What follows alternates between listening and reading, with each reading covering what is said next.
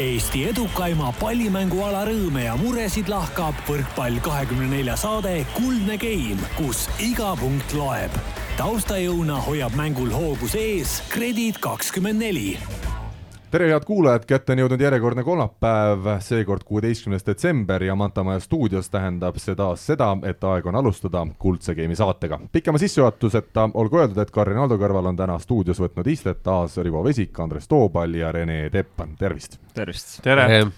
ja et käsil on eriolukord, siis oleme ka mikrofonid üksteisest tavapärasest kaugemale liigitanud, liigutanud, et kõik oleks nii, nagu olema peab nagu ikka, oleme me saadet lindistamas tegelikult äh, päev varem ehk teisipäeva pärastlõunal ja mis on juhtunud, on see, et kui me vaatame aknast välja, siis on lumi maha tulnud ja siit ka Rivole esimene küsimus, millal viimati suusatamas või kelgutamas käisid? kelgutamas käisin eelmine aasta, ma arvan aga suusatama, seda küll ei mäleta ausalt öelda. kas kelgutamas tähendab seda, et sa läksid sinna näiteks Lätis sellesse Siguda, Sigulda kelgu siis sinna parki või kuidas iganes seda nimetatakse, võtsid selle neljase bobi ja, ja tulid sealt sõpradega alla või, või tähendab selline lihtne lauluväljakul või metsa vahel kuskil kelgutamine? ikka, ikka liht-, lihtsam variant jah, kui ma üldse midagi teeks sellist, siis ma paneks selle skeletoni, see, kus pea ees alla paned, see tundub hoopis põnevam. see tundub hoopis põnevam mäng, et paned sott kahekümnega pea ees mööda jää, jäärenni alla ja pärast poest läbi, Sigul tuleb kaasa ja koju. parem, parem õudne lõpp kui lõputu õudus. jah, täpselt. Andres, kuidas sul, kas pigem kelgutaja või suusataja oled läbi äh, karjääri olnud? vanasti käisin päris palju suusatamas, aga nüüd enam ei ole jah, kuidagi üldse saanud pihta, suusasaapaid ei ole. ei ole jah, kusjuures probleem. kas poes, poes ei ole või äh, kodus ei ole? kodus ei ole. kodus ka ei ole, mul on jalanumber nii suur, et mul põhimõtteliselt on sama suur kui suusk siis pole ju vaja seda suuska üldse. panen, panen seda määret, tõmban talla alla ja metsa vahele. kingadega, kingad on vaata sellised kingad on väga libeda Rene, kuidas sinul, pigem suusataja, pigem kelgutaja või uisutaja? on kõike natuke saanud teha, maalt pärit ikkagi ja seal olid meil erinevad võimalused, ka jäähokiväljak oli täitsa välja ehitatud iga-aastaselt, et äh, mainin Türil oli ka väga kõva ikka. ma elasin seljal sina oma Türiga Türi on metropol, selle koha peal on metropol. tiigi kohe seal, tiigi peal raudselt oli see väljak. no mitte päris, aga, aga ühesõnaga jaa, suusatamisega sama lugu, üks sama mees, kes heitis meile, üks ütleme siis hea vanaisa. et ta oli ühe poisi vanaisa ja aga ta tegi sellele külale hästi palju häid asju, et samamoodi suusarada oli tema sisse tõmmatud, et äh, sai, sai nii üht kui teist teha ja, ja aga kui ikkagi maaelu nii-öelda läbi sai ja sealt ära sai kolitud, siis jäid ka need tegevused päris julm tegelikult on mõelda seda, mida kõike tehtud sai mm, -hmm. mida nagu ise tehtud sai. kas sa, ma vaatan, nad rääkisid siin uisuväljakutest, millegipärast nad mainisid seda jäähokit, aga kas siis iluuisitamist näiteks poisid ei teinud noorena või? ikka tuluppi kõik tegid maja Ilu, kahene, ilusasti mängiti lihtsalt hokit kas kahene või kolmene tulupp? igasuguseid tehti mm. -hmm. tegid seda piruetti ka? üks tegi kava, üks laulis ja teised hindasid oh.. Mati Taksis oli ka ju, üks oli ja, oli, piruetiga lõi või midagi, aga see oli, kusjuures hakata praegu mõtlema, see on jumala jabur aeg. Äh, hokit mängiti nii, et osadel olid uisud ja osadel olid saabastega ja, ja, ja mingit kaitsmeid midagi ei olnud. selle hokiliitri ikka said pikik koibas. ja kõik olete elus kusjuures. nojah, mis elus on ega teine teema on sama see suusatamine ja see, me, mäletan, me tegime suusahüppemägesid ehitasime ja tegime laskesuusatamisi ja ma ei tea, mida kõike veel. kuidas te, oot, oot, oot, kuidas te suusahüppemäge, mäe tegite? no ehitasime lumest ja värgist ise nagu tegime ja siis panime ikka, mis on veestiil, need vana plastik minisuuskadega. sa tegid veestiiliga? kõik panid igasuguseid stiile. selge, aga kuidas see laskesuusatamine, millega? Äh, laskesuusatamine oli meil kaks varianti, üks oli selline variant, äh, et oligi nagu tehtud ring, onju. või on trahviminut siis teine või? ei, ei, meil oli tehtud trahviring ja, ja oli pandud äh, topsid. et siis lumepalliga pead topsi maha viskama oh., suusatad kohale mingi viissada meetrit mm, -hmm. siis viskad maha kakssada meetrit trahviring. ja teine variant oli selline, et meil olid suured viiekordsed majad ma mõtlesin vana kärbikuga ikka kuskil ei, ei veel suured viiekordsed majad ja vanad äh, Vene aja majad, küte oli nii hull sees, et äh, talvel olid kõigil aknad lahti, sest palav oli. ja siis meil oli, oligi mängu nimi oli laskesuusatamine punktide peale, nii et suusatasid äh, mingi suvalise maja taha, kõik kolmekesi või neljakesi, mis me olime seal. ja siis hakkasime lumepalle aknast sisse viskama, et viienda korruse aken oli neli punkti ja nii edasi, nii edasi. ja see, kes viimaseks jäi, see sai suusakepiga pendleid kõigi käest motivatsioon oli väga-väga kõrge ohohoo nii, peab ennast natuke koguma pärast neid sissejuhatusi. erimeetmed lubavad ainult koondistel, koondise kandidaatidel ja meistriliiga klubidel siis esmaspäevast alates spordi tegemist jätkata. on lubatud siis harrastajatel ka individuaalsport või eratrennid. kuidas see nüüd reaalsuses välja näeb elus, kas Selveril on ikkagi selles suhtes läinud hästi, et nüüd on hommikust õhtuni saalid vabad ja ise planeerite, millal ja kui palju trenni tahate teha või? Audenteses ei ole päris nii, seal on ikkagi noortekoondised ja asjad on seal ju sees põhimõtteliselt, et äh, nendega ei ole nii lihtne. kindlasti nüüd meil Sõles läheb äh,, läheb nagu see aja, aja nagu ütleme siis saamine nagu lihtsaks või meil ütleme, saame, saame muid aegu ka veel võib-olla kasutada, aga aga eks igal pool on omad väiksed nüansid juures, et äh, eks hakatakse siin saali kütteid maha keerama ja niisugused asjad, et eks siin peab, äh, peab ise targalt käituma ähm kuidas nüüd nende reeglitega siis on, teie teete oma trenni edasi nii, nagu te olete siiani teinud? jah, meie, meie saame niimoodi teha ja, ja võib-olla meile isegi selles mõttes on, on ta hea, et äh, vähem rahvast, vähem kontakte, et äh, et äh, jah, muidu oli päris pidi hoolikalt ikka, kus, kus riietusruumi lähed ja nii edasi, et et ega see lihtne ei olnud, aga, aga meie lähme jah, enda nii-öelda rütmiga edasi ja meil nagu suuremaid probleeme ei ole, jah Rivo, kuidas sul, kas sa lasid nüüd terases ainult Eesti koondislasi ja, ja kandidaate sisse või? Äh, jah, noh, jah, põhimõtteliselt küll, jah. perekonnad võivad ka teha kõike, mis tahavad, et see on, on ka lubatud, et et päris nagu lukku sporti ei tõmmatud, aga, aga samas on ikkagi minu jaoks valitsuse poolt selline huvitav otsus, et kui äh, kaks-kaks spordi oleks võinud ikkagi jätta, et see ei ole nüüd nii ja esi-, noh, võrkpall, rannatennis, ranna, võrkpall ja rannatennis, noh, nad ei ole kontaktspordid, vaata, et palju sa seal reaalselt puutud kokku oma paarilisega isegi väljakul, et äh, rannatennises veel vähem, reketit kõigil käes plaksuga ei lööda, et äh, Kusjuures... aga noh, täna otsus on selline, siis on selline, et kas tuleb, äh, tuleb järgida seadust nii palju, kui saab ja, ja tuleb teha. aga minu arust, kas see oli esmaspäeva õhtul või millal avaldas siis Tenniseliit? tenniseliit eile, jah. koos eile oli jah, te-, suuremate tennisekeskustega pöördumise, ühispöördumise Kultuuriministeeriumile, kus ikkagi paluti, et see kaks, kahe vastu sport no ka mõtle nüüd selle peale, ta on, ta on selles suhtes natuke naljakas, et kui sa võtad äh, restorani, kus on täna lubatud, on ju, olla inimestel kaheksakesi vist lauadega, ja, ja sa võtad tenniseväljaku, mis on, kui, kui ma nüüd peast, ma võin praegu eksida. no suur. sada kakskümmend ruutu on üks pool äkki või? Või natuke rohkem sada kakskümmend kaheksa ruutu, midagi sellist. et see üks pool on sama suur põhimõtteliselt nagu üks täismõõtmetes võrkpalliväljak on ju, siis äh, sinna peab kaks inimest, sul on mõlemal inimesel kuuskümmend ruutu. Nad ei puutugi kokku, nad, nad ei lähegi üksteist, tennis mm -hmm. eriti, üks on võrgus, teine on taga, et nad ei puutu üldse kokku, et kui nad seal omavahel plaksu lööma ei lähe, siis siis nad ei, ei puutugi. aga see küsimus, ma ju rääkisin ka Tarvi Pürniga, Eesti Võrkpalliliidu endise siis peasekretär vist oli see ametinimetus tal, kes on nüüd meil Kultuuriministeeriumis siis spordi asekantsler, ja tema ütles, et neil oli endal soov see, et kaks kahe vastu ka sport saaks jätkuda, aga kuna riik oli pannud väga selgelt siis valitsuse näol paika selle, et ikkagi igasugune grupisport on keelatud ja ainult siis individuaalsport saab jääda, siis neil ei olnud ka võimalust kuidagi tõlgendada teistmoodi seda valitsuse otsust. no jaa, aga see on jälle valitsuse poolt selles suhtes, äh, selles suhtes naljakas otsus, et vaadake, vaatame seda statistikat. kuskohast on tekkinud, kõige rohkem on tekkinud koldeid töö juurest, siis on kodus ja nii edasi, nii edasi, nii edasi, et need, isegi need baarid ja pubid ja seal on vist mingi neli protsenti või kolm protsenti, spordiklubidest on null, olematu. kuna teil terases on ju vaata see mingi baarinurk ka olemas, on ju siis te saate, panete kaks äh, seda äh, risti või? ei, panete kaks äh, jooki siis väljakule ja siis see on nagu baariala, nii et see on kõik okei okay,. või teete kirikuks ikkagi? Ida-Virumaal tehti me korra, kirikuks. ja me korra seda mõtlesime, et teeme esime-, Eesti esimese ateistide kiriku seal oleks palju manuvilisi nagu sõna otseses mõttes huvilisi, keda kõvasti, see ateism just eelkõige huvitaks.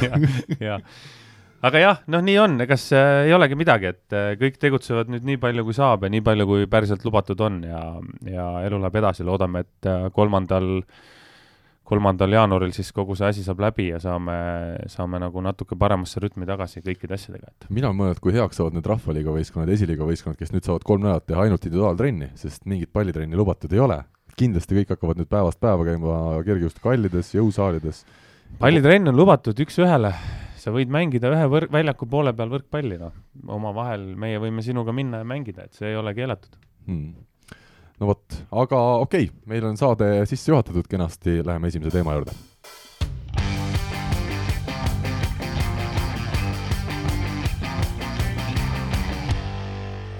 Möödunud nädalal siis Eesti klubi võrkpallis oli kõige tähtsam mäng Saaremaa eurokohtumine CEF Challenge Cupi kaheksandikfinaalis Ukraina klubi Horodokiga ja paraku tulemust me kõik võrkpallisõbrad juba teame, Saaremaa kaotas selle mängu ukrainlastele siis nende kodus kaks-kolm, otsustav viies game kolmteist, viisteist ja langes konkurentsist. Ja kohe esiteks küsin, Rivo, sina olid kindlasti ka asja jälgimas, mille taha siis saarlastel see mäng läks? nagu ma sulle peale seda mängu ka, ka kirjutasin, et äh, siis kaks süüdlast istuvad meil siin teispool lauda, et tundub, et Selveri, Selveri võrkpallivõistkond äh, Eesti me meeskondadele tänavu aasta eurosarjas pani niisuguse mõnusa fingerpussi, nagu me siin oleme öelnud, aga, aga noh, ilma naljata, et äh, äh, noh, täielik ebakindlus minu arust, et kui sa vaatad neid välismängijaid, kes on hooaja algusest saadik peksnud lihtsalt servi täie jõuga ja need mehed hakkavad planeerivat lööma, siis kuskil peab olema midagi valesti, et äh, pigem ma, ma arvan, et see on täna peas valesti või siis peab olemagi füüsis lihtsalt nii väsinud, aga nagu ma sellest äh, peatreener Kalmasiidise jutust peale Selveri seda teist karikamängu äh, aru sain, siis mehed füüsilises vormis peaksid nagu väga head olema, et järelikult on peas midagi valesti ja eks see tuleb nüüd võistkonna sees selgeks teha, et see Ukraina võistkond ei, ei olnud teab mis imevõistkond, ei olnud nagu väga hea sama nagu meil see info oli, on ju. ma ütlen lihtsalt vahele, et järgmisel päeval siis Horodok kaotas juba selle veerandfinaalmängu Prahale väga kindlalt null kolm, seitseteist, kakskümmend kaks ja kakskümmend kaks punkti saadi siis game'ides äh, Praha klubi vastu. no igal juhul Saaremaal oleks seal teises mängus läinud ka väga raskeks, kuna see kolm-kaks mäng ikkagi nii emotsionaalselt kui ka füüsiliselt tõmbab ka läbi ja, ja kui on juba võistkonnas on selline mingisugune langustrend ja, ja mingi, mingisugune jõnk sees, on ju, et siis äh, siis oleks olnud igal juhul raske sealt edasi minna. aga, aga mina ütlen jah, et see oli väga ebakindel mäng Saaremaa kohta. Äh, Rene, kui me vaatame siin seda, mida tegid siis need kolm legionäri, Vender Lopez, Aleksander Duš ja Evandro Dias Sousa servijoone taga, nelikümmend kolm pallingut ukrainlaste vastu, kolmteist serviviga ja vaid üks äss nende soorituste juures ja nii, nagu Rivo juba mainis, Lopez ja Sousa siis läksid üle planeerivale pallingule keset mängu. kas see on ikkagi märk sellest, et mehed olid järelikult väga ebakindlaks muutunud. sest mina ei ole varem näinud, et nad oleks keset mängu nüüd päris planeeriva peale üle läinud.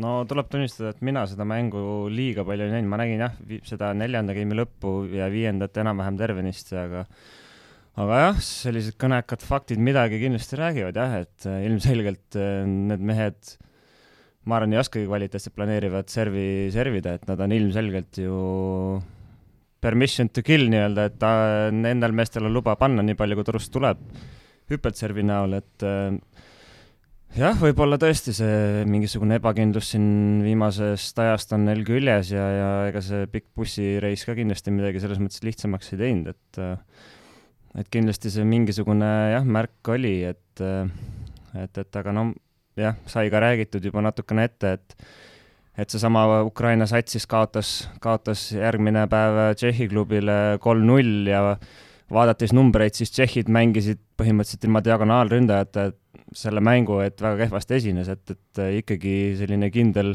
kindel näiliselt võit, et et ma jah äh,, raske on küll öelda, Saaremaa ei jõudnud mängida kahjuks tšehhidega, aga, aga eks sealt ilmselt oleks suhteliselt keeruline tõesti olnud läbi purjetada üldse Äh, Indrek Pulka ikkagi kiidaks jätkuvalt, äh, viiskümmend kuus protsenti rünnak, kakskümmend kolm punkti pluss kakskümmend üks, aga ega seda lisa nüüd kuskilt väga ei, ei tulnudki. Markus no, Uuskari veel servis vahepeal hästi. Uuskari ei olnud ka nagu väga halb selles suhtes. neljanda arv... game'i päästis ära, viiendas veel tuli ja, ja arvestades, arvestades nagu varumeest ja, ja, ja ikkagi tema jaoks ju palju ta neid euromänge nagu on mänginud ja seal olnud, et äh, aga jah, ülejäänud meeskond on väga suur küsimärk Aleksander Tuši kohal nüüd, sidemängija kohal on see küsimus, Andres, küsimus sulle siinkohal äh,. minule kõrvalt ja noh, nagu me kuulsime kõik Hannes Sepa kommentaaridest, jäi väga selge mulje, et Tuši tõsted on lihtsalt madalad. kas sina loed seda sama välja ja kas sa oskad ka seda kuidagi selgitada või põhjendada? no ma arvan ka, et ma läheks äh, siin Rivoga nagu selles mõttes, et Äh, ühte, ühte paati, et äh, kui ikkagi juba midagi nagu on mäda, siis, äh, siis kipub olema nii, et sidemängija võtab selle väga palju nagu endasse, et ja sealt hakkab veel rohkem vigu tulema, et kui ta ei leia neid, neid mängijaid uuesti üles, et ja ei suuda nendele niisugust enesekindlust süstida, siis, siis kipub olema see, et sidemängijad hakkavad otsima uusi võimalusi, ma ei tea, ajavad mängu kiiremaks, kõrgemaks, mida iganes ja, ja sealt tuleb tegelikult tavaliselt veel rohkem, rohkem vigu juurde, et et praegult on selge, et Duš alustas hooaega selgelt kindlamalt, kui ta on viimased, viimasel ajal mänginud ja aga noh, neil on justkui peaks ju olema kaks, kaks niisugust võrdväärset või, või isegi nagu noh, on selle, selle eesmärgiga võetud kaks sidemängijat, kes, kes võiksid ju mõlemad mängida, aga aga sellistel hetkedel nad ei, ei ole nagu noh, praegult ütleme võib-olla siis äh, äh, seda tulemust andnud, et ähm, jah, ma ei, ma rohkem ei oskagi öelda, ma nägin ka seda mängu täpselt samamoodi peale trenni, alles viiendat game'i seal mingit osa, et et kuidagi jah, see platsil olek ei olnud nagu niisugune natukene nagu noh, pingutatud või niisugune äh, ei olnud niisugust voolavust ja niisugust võistkonna niisugust head minekut, et oli, oli niisugust äh, proovitud nagu individuaalselt kõiki asju ära teha, et äh,, et kui kellelegi pall tuli, siis see proovis punktiks ära teha ja niisugust võib-olla koostööst natukene jäi puudu, jah jah, ütleme liberot ka, me siin ainult välismaalasi mitte ei kritiseeri, vaid ei olnud ka ütleme Juhan Vahteril ja Alari Saarel parim päev ukrainlaste vastu. aga mis mulle nüüd jäi silma, noh, me neid Selveri mänge oleme näinud ja nüüd ukrainlaste vastu eriti, et äh, pulk ongi ainus mees Saaremaa võistkonnas, kus siis, kui kõik ei toimi, kui vastuvõtt ei ole käes, kes suudab palle maha lüüa. ei löö Pupart neid palle maha, ei löö Sousa neid palle maha ja nii on ikkagi raske mänge võita. diagonaalründaja. selline peabki diagonaalründaja olema. kas kõrvalt keegi peaks ikkagi aitama? ei no muidugi peaks, ei no selles suhtes ju jalgpallis ei ole ka nii, et ainult üks ründaja on, kes läheb, lööb kõik väravad ära, et et kogu meeskond, see on meeskonnamäng ja Andres ütles väga hästi selle kohta ja, ja väga õigesti, et et ongi, et tundub, et praegu on Saaremaal läinud see teema, et ühe, ühed nagu hakkavad ära vajuma, kes olid alguses liidrid ja tugevad ja siis teised nagu kol-, kolisevad sinna järgi kõik sellele või nendele liidritele, et et ei ole nagu seda meest, kes võtaks nüüd üle ja ütleks, et okei okay,, et hakkame otsast peale. aga ühe asja peaks veel ütlema, et Hannes Sepp oli ka väga hea selles mängus väga, väga Saaremaa parim või? Saaremaa üks parimaid Indreku kindlasti. ja Indrek Markuse kõrval. jah, täpselt, jah. Ja pluss ka kaks bussijuhti, kes ikkagi elasid kaasa seal, ma saan aru, tribüünil ainsana. aga, aga huvitav oli see, et me saime päris hea nagu ülevaate sellest euromängust tänu sellele Sepa ülekandele, et et seal ukrainlased istusid mingi klaasi taga kuskil otsa tribüüni taga mm. -hmm. et kas seda siis ei loeta saaliks näiteks või olid seal mingid muud põhjused, miks nad sinna päris saali nagu ei, ei tulnud või on seal turvalisem Ukrainas, öeldakse, et kui sa oled klaasi taga, siis midagi ei nakatu? ei no see on jälle, see on jälle selline tõlgendamise küsimus, on ju, et kui me võtame äh, kas või noh, mis saali võiks näit-, no sama Tartu, vana Tartu ülikooli saal, kus üleval oli see kohvik, on ju. et nüüd, kui pealtvaatajaid ei tohi olla saalis sees, siis kohvik ei ole saali osa, ta on eraldi osa ja seal võiks nagu kaheksa kaupa reaalselt istuda seal ümber laudade ja vaadata seda mängu. aga tegelikult ta oli lubatud minu arust publikule ikkagi see mäng? seal oli lubatud, jah. lihtsalt vaata, nagu öeldakse, ikka öeldavad vanad kogenud treenerid, et otse tribüünilt vaadatakse ikkagi võrkpallimängu. jah. siis sa näed kõige paremini kõike. kõige parem, jah aga mis sellest mängust äh, veel meile siis äh, meelde jäi, minu ikkagi küsimus on see, et kuidas pagan me ei saa ülekandeid Eestisse euromängudest, üks, ükskõik milliseid. See on hea küsimus jah, et see, selle küsimuse võiks esitada nüüd alaliidule ja, ja üldse, kui meil praegu, kui meil praegu seda sporti on nii vähe nagu on ja oma liiga mänge siin on vähem, et siis äh, äkki saaks kas või mingid ressursid suunata sellistesse kohtadesse, kui sama Karli Allik mängib, on ju, Saksamaa karikamõistluste poolfinaali, Martti Juhkovi mängib Saksamaa karikavõistluste poolfinaali, Poolas on mingid mängud, et äkki saaks sealt kuidagi midagigi ja, ja, ja noh, proovida selle läbi siis populariseerida seda võrkpalli, et äh, ma arvan, et täna spordisõber, kes muidu võib-olla võrkpalli ei vaata, aga kui talle söötage ette, et siin on Euroliiga mäng, Saaremaa mängib äh,, Saksamaa meistrivõistluste kvalika või see karika poolfinaalmäng, Eesti mees mängib, on ju, et vaadake, neil ei ole midagi vaadata enam. Hmm ma olen aru saanud, et telesse saamine, sest sellest mängust tehti ülekanne, seda näitas siis mingi Ukraina telekanal, aga nagu selgus seal mängu alguses, siis Eestis seda vaadata ei saanud äh, seoses nende piirangutega, et, et välismaal ei, ei tohi neid kanaleid vaadata, aga äh, ma saan aru, et telesse selle ülekande toomine on liiga kallis, ilmselt ja kuna Eestis televisioonidest keegi ei ole nõus seda raha maksma, siis on, siis on põhjendatud, miks seda ei ole, aga minu küsimus on ikkagi see, et kas siis veebi ka on see liiga kallis, et äh, näiteks Võrkpalliliit ei võiks sellist asja organiseerida. või, või kuidagi kellegi kaudu siin võiks siin võiks abi tulla tegelikult äh, juba rahvusvaheliselt alaliidult. kas see võiks olla nende asi ka, jah? absoluutselt, et see võikski olla nende asi ka rohkem, et, et neid mänge vaadatakse, muidu mis nad teevad, noh, nemad muidugi tahavad, et nende selle Europoole tv pealt vaadatakse, on ju. Aga seal seda mängu minu arust ei olnud. no see, seda enam, see on, see on veel küsitavam, on ju, et äh, kui seda seal ei olnud, et siis, siis kus ta veel peaks olema, kui nad seda hirmsalt promoda tahavad, et äh, ja, ja sealt võikski tulla siis abi äh, nendele riikidele, noh, Saaremaa mängib, on ju, siis Euroopa Võrkpalli Föderatsioon toetab kas või mingisuguse summaga, on ju, näed, me anname teile nii palju, panete ise midagi juurde, tahate ülekannet, tahate, ei taha, ei taha, aga me toetame, aitame just seda just, just mõtlengi, et kui oleks nüüd olnud normaalselt see liiga formaat, siis ma arvan ju tavaliselt iga aasta on olnud need, need mängud on teles olnud. kodumängud. kodumängud on teles olnud, on ju. minu arust praegult nüüd ju jääb, ei. jaa, aga praegult ju jäi iseenesest kõik ära. seesama raha, mis sinna kulutati, ma arvan, et seesama raha oleks võinud rahulikult nüüd äh, suunata siis sellele, et ostetud sealt äh, Ukrainasse see sisse, sest iseenesest ju mingid plaanid on ju tehtud ja isegi võib-olla mingid eetriajad, ma ei tea, kas ostetud või ära broneeritud vähemalt, on ju, et et kuidagi oleks ikkagi, ma arvan, seal noh, Jah. saanud, ma arvan, seda ole- oleks saanud küll, et ma arvan, praegult kuidagi, okei okay,, võib-olla kiirustades läks see, kuidas see sündmus see, nagu see, toimus, see on teine pool, et äh, seal võibki ajaliselt aega, aega nagu väheks jääda, et kui sa mm. -hmm. sulle öeldakse ikkagi kaks nädalat enne, et kuule, nüüd on, siis ega seda teleaega ei ole nii lihtne saada, et kuule. ei no teleaeg, aga ma ütlengi, et veebis, kus on oluliselt veebis küll jah, veebis oleks võinud vol-, volley.ee-s oleks ta võinud ju olla siis rahulikult seal noh, aga ma saan aru, et see ilmselt taandub rahale või siis sellele, et ei olnud seda ajajat, kes seda oleks nii väga push inud seal, et äh, et, et huvitav jah, aga lihtsalt ma mõtlen seda, et meil oli selline mäng kokkuvõttes, okei okay,, Saaremaa kaotas selle kaks-kolm, aga see oli äge mäng, mida vaadata Jah. ikkagi. ja kui Väga seda, mina nagu mõtlen jälle laiemas plaanis, et kui me tahame, et Eesti võrkpall jõuaks mitte ainult Rivo, Rene ja Andreseni, vaid, vaid ka inimeseni, kes ongi harjunud ainult kord aastas seda mingit tiitlivõistlust meil äh, võrkpallis vaatama. et, et kui jah, tema ei tahta jõuda, sellega, et jah. teeme Facebookis äh, Just, live-ülekande sest. selle Saaremaa võrkpalliklubi lehele, mida jälgib seal umbes, ma ei tea, kolm tuhat inimest Facebookis, ta ei seal oli üle tuhande vaataja, selles mõttes Facebook Live'il oli juba nii-öelda üle tuhande, aga on ju päris palju inimesi, kes üldse, ma ei tea, Facebooki ei kasutagi mm, Mhm. -hmm. et, et ja või ei jälgi Saaremaa võrkpalliklubi, et, et kui me tahame seda ala arendada, siis kuidagi pff, süda nagu valutab, eri, eriti täna, kui meil on endal tulemas EM kodus on mm, Mhm. -hmm. et see võiks olla kasvõi siis nagu selle aasta mingisugune üks, üks osa sellest projektist, arengukavast, et me mm. -hmm. üritame saada neid mänge rohkem. oma mänge, oma koondise mängijaid promoda rohkem, nii edasi, nii edasi, nii edasi, et no vot, aga võtame siit ette järgmise teema, naiste karikafinaalis mängivad tänavu siis TalTech Tradehouse, kes sai poolfinaalis kahel korral jagu Valio Võrust ning Audentese spordigümnaasium noortekoondis, kes kaotas avamängu Tartu Ülikool Bigbankile küll kaks-kolm, aga võitis teise kodus kolm-null väga kindlalt, nii et Andrei Ojamets, mees, kes on viinud mõned aastad tagasi just Tartu naiskonna Eesti tippu, on nüüd Audenteses esimene aasta juba karikafinaalis ja ja Andrei Ojametsa endaga sai räägitud, millal nad üldse viimati siis Audentese tüdrukud äh, karikafinaalis mängisid ja ta arvas, et kas Andres Kuini ajal millalgi siis umbes kakskümmend aastat tagasi. et, et et tüdrukuid tuleb vist kiita.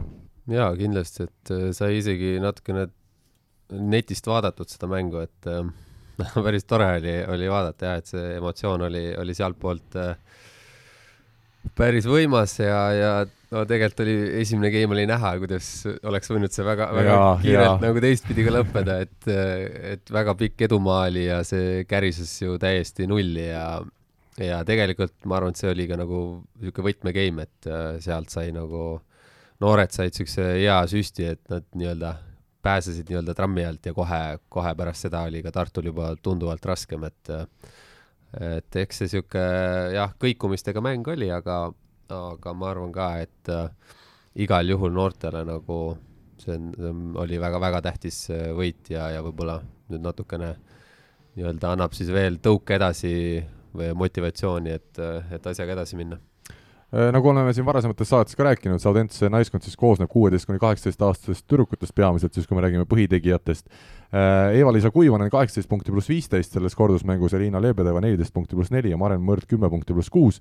kui ma nüüd võtan seda, mis mulle jäi sealt mängust silma, on see, et Audentes ühtpidi on väga emotsionaalseks muutunud, isegi Eva-Liisa Kuivanen, keda me koondisest harjusime väga vaikse äh, neiuna nägema, siis nüüd on, Andrei ütles, et ongi pandud kohustus peale, et seal väljakul peab emotsionaalsem olema, Eva-Liisa on selliseks ka muutunud. kusjuures koondise, koondisega esimene mäng, kui ta platsile sai, siis oli ka, et ta ei, trennis ei olnud peaaegu ühtegi emotsiooni välja näidanud ja siis, kui ta sinna platsi peale sai, siis, siis oli kõige, või noh, vähemalt siis, kui ta ise punkti tegi või midagi, siis ta oli kõige emotsionaalsem, et see oli päris huvitav kõikidele treeneritele ka, et ah, et seal on veel midagi peidus aga see oli ka see, see oli ka see üks point, miks ju ma sain aru, et Andrei võitles väga selle eest, et see tüdruk ei läheks kuskile teise võistkonda. on ju, et teda ju taheti ka vist TalTechi ja, ja kust teda igale poole taheti. ja ta käis vist isegi TalTechis mingis, mingil määral käis trennis. jaa, et see. vist ei ole käinud. aga, aga taheti algul on ju ka teda. taheti jah, et ta trenni teeks nendega, jah. aga see, see on jälle see koht, kus äh, nagu Andrei tegi väga õige käigu, et äh, et seal võistkonnas oleks ta olnud äh, noh, üks mingist osast mängijatest äh,, Audents on konkreetne liider ja ta peabki olema. teda peabki nii kasvatama, et siis on, on ka võib-olla kunagi koondises liider või, või ta oskab seda rolli te-, kanda. ja, ja ka kogu see mäng, ma jälgisin natuke, siis minu esimene küsimus oli see, kakskümmend aastat, on ju, oli see umbes see aeg. mis vahepeal juhtunud on? kas vahepeal ei ole olnud materjali, kellega jõuda kuhugile kõrgemale kas, kas on asi treenerites, kas on asi mingis alaliidu nõudmistes nendele treeneritel, kus see probleem on? või on, või on asi liiga tugevuses või, või või on teised klubid olnud ikkagi vähemalt kaks klubi on alati leidunud, kes okay, on olnud jah, nii palju see, paremad, et nad on noortest jah, paremad kas olnud. liiga, liiga tugevuses, aga, aga mina aga..., mina ütlen ausalt, ma ei julge siin vastata, sest mina naiste võrkpalli tean siin viimased paar aastat, kui ma seda portaali olen liigaga seonduvalt, et praegult on selgelt ikkagi see, see ütleme, Ladvik on siis ikkagi natukene nagu ebaühtlasem, et, et ennem oli seal üks-kaks võistkonda, kes olid ikkagi nagu tugevamad. Ja, ja praegult on kuidagi, ma ei saa öelda, et tase nagu tohutult langenud, aga vähemalt nad on noh, ühtlasemad, aga pigem jah, tase on, tase on ka kuidagi lahjem. üks teine punkt, mida ma tahaksin siin mainida, Audentese tüdrukud mängivad kaitses minu arust väga hästi oh,. Andrei või see Andres on nõu-, nõus minuga. lihtsalt jäi silma, ma ütlen, et rünnakul on kindlasti veel palju edasi minna tüdrukutel, aga, kaitses kohati, kuidas palle üles toodi, okei okay,, ma olen jälle nõus, et Tartu ilmselt ei rünnanud ka väga võimsalt, aga, aga see kaitsemäng kuidagi avaldas jaa, aga see, see on täpselt see, see naiste võrkpallimäng, et seal kaitses tuuaksegi tegelikult päris palju ja tegelikult noh, oli endalgi suvel päris niisugune suur üllatus, et kaitses mängitakse hästi, aga aga, aga ongi, need löögid on teistmoodi ja, ja ja ma arvan, et see on nagu üks edu võtmeid ka, et, et väga raske on palli maha lüüa, otse maha lüüa mm, -hmm. et et ma arvan, et siin nüüd Tartule ka natukene siis, et võib-olla ei, ei saagi kogu aeg palli otse maha lüüa, et peab mingeid muid nii-öelda teid kasutama, aga aga see kindlasti üks võti ja ma arvan, et et siis Andrei on kindlasti ka head tööd teinud seal Äli Vahula siis äh, sidemängijana tegutses äh, hästi ja, ja Liisbet äh, Pill ja, ja Katriin Põld, päris andekad temporündajad veel olid ka seal mõlemad selles kordusmängus resultatiivsed. Tartu naiskond siis mitmeaastase pausi järel see jäi finaalist välja, aga nagu me teame, siis Tartu naiskond ka kahe hooaja vahel on oluliselt kaotanud oma liider, liidrimängijaid ja seda nüüd suureks üllatuseks ei saa tänasel päeval enam pidada, et nad finaali lõpuks ei jõudnud. Taldik mängib siis finaalis Audentesega Äh, ja, ja kahel korral siis kindlalt Võru naiskonda võitis tulemusega kolm-null, kolm-null äh, ja finaal peetakse siis kahekümne teisel detsembril ehk järgmise nädala teisipäeval enne pühi, kõigepealt naiste finaal, siis meeste finaal.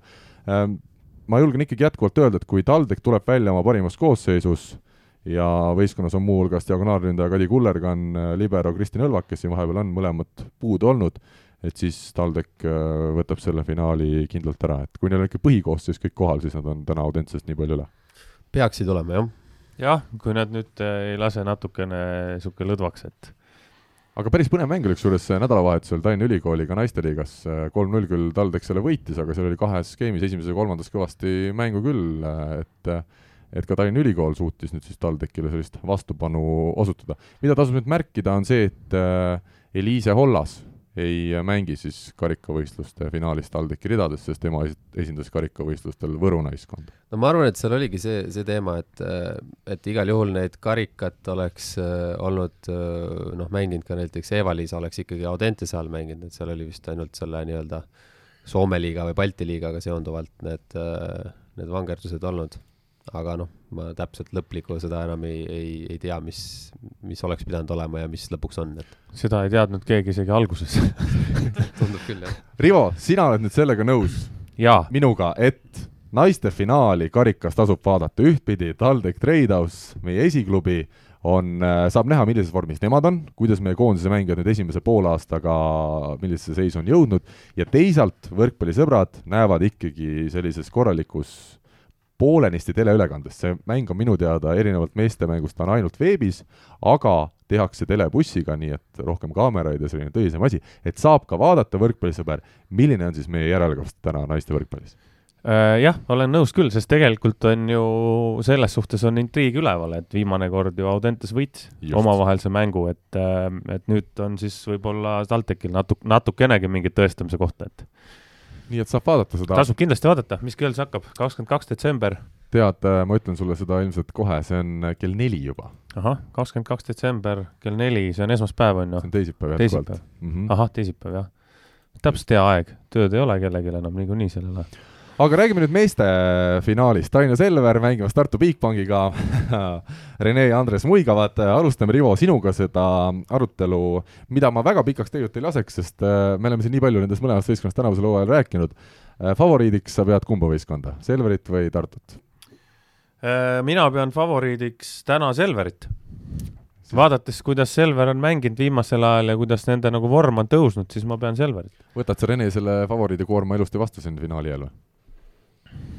Äh, ma ei tea, selles mõttes see on üks mäng ja üks päev ja üks olukord, et äh, jah, ma olen sellega nõus, et me oleme, me oleme päris, päris okeid mängu näidanud ja me oleme läbi mängude sellist stabiilsust hoidnud, kus ei ole nagu mingisuguseid suuri ärakukkumisi, jah, meil on olnud küll game'e, kus me oleme olnud tagarollis ja me oleme siiski suutnud need nagu ümber pöörata, aga aga üldiselt jah, me oleme mingisugust nii-öelda taset nagu hoidnud, et äh, samas ütleme siin viimased mängud iseenesest, mängupilt ei ole meil nagu erinevatel võib-olla põhjustel, et äh, nagu nii, nii ilus olnud võib-olla, et võidud on küll tulnud, aga, aga nurisemiseks on päris kõvasti põhjust, et äh, et aga noh, sellepärast ma täna ei muretse, et et küll pannakse juurde mida lähemale see nii-öelda, nii-öelda tähtis päev tuleb, et homme tegelikult juba, juba on selline mõnus peaproov äh, ees ootamas TalTechi näol liigamängus, et eks ja seal kuulajad, kui teie kuulate meid, siis juba täna.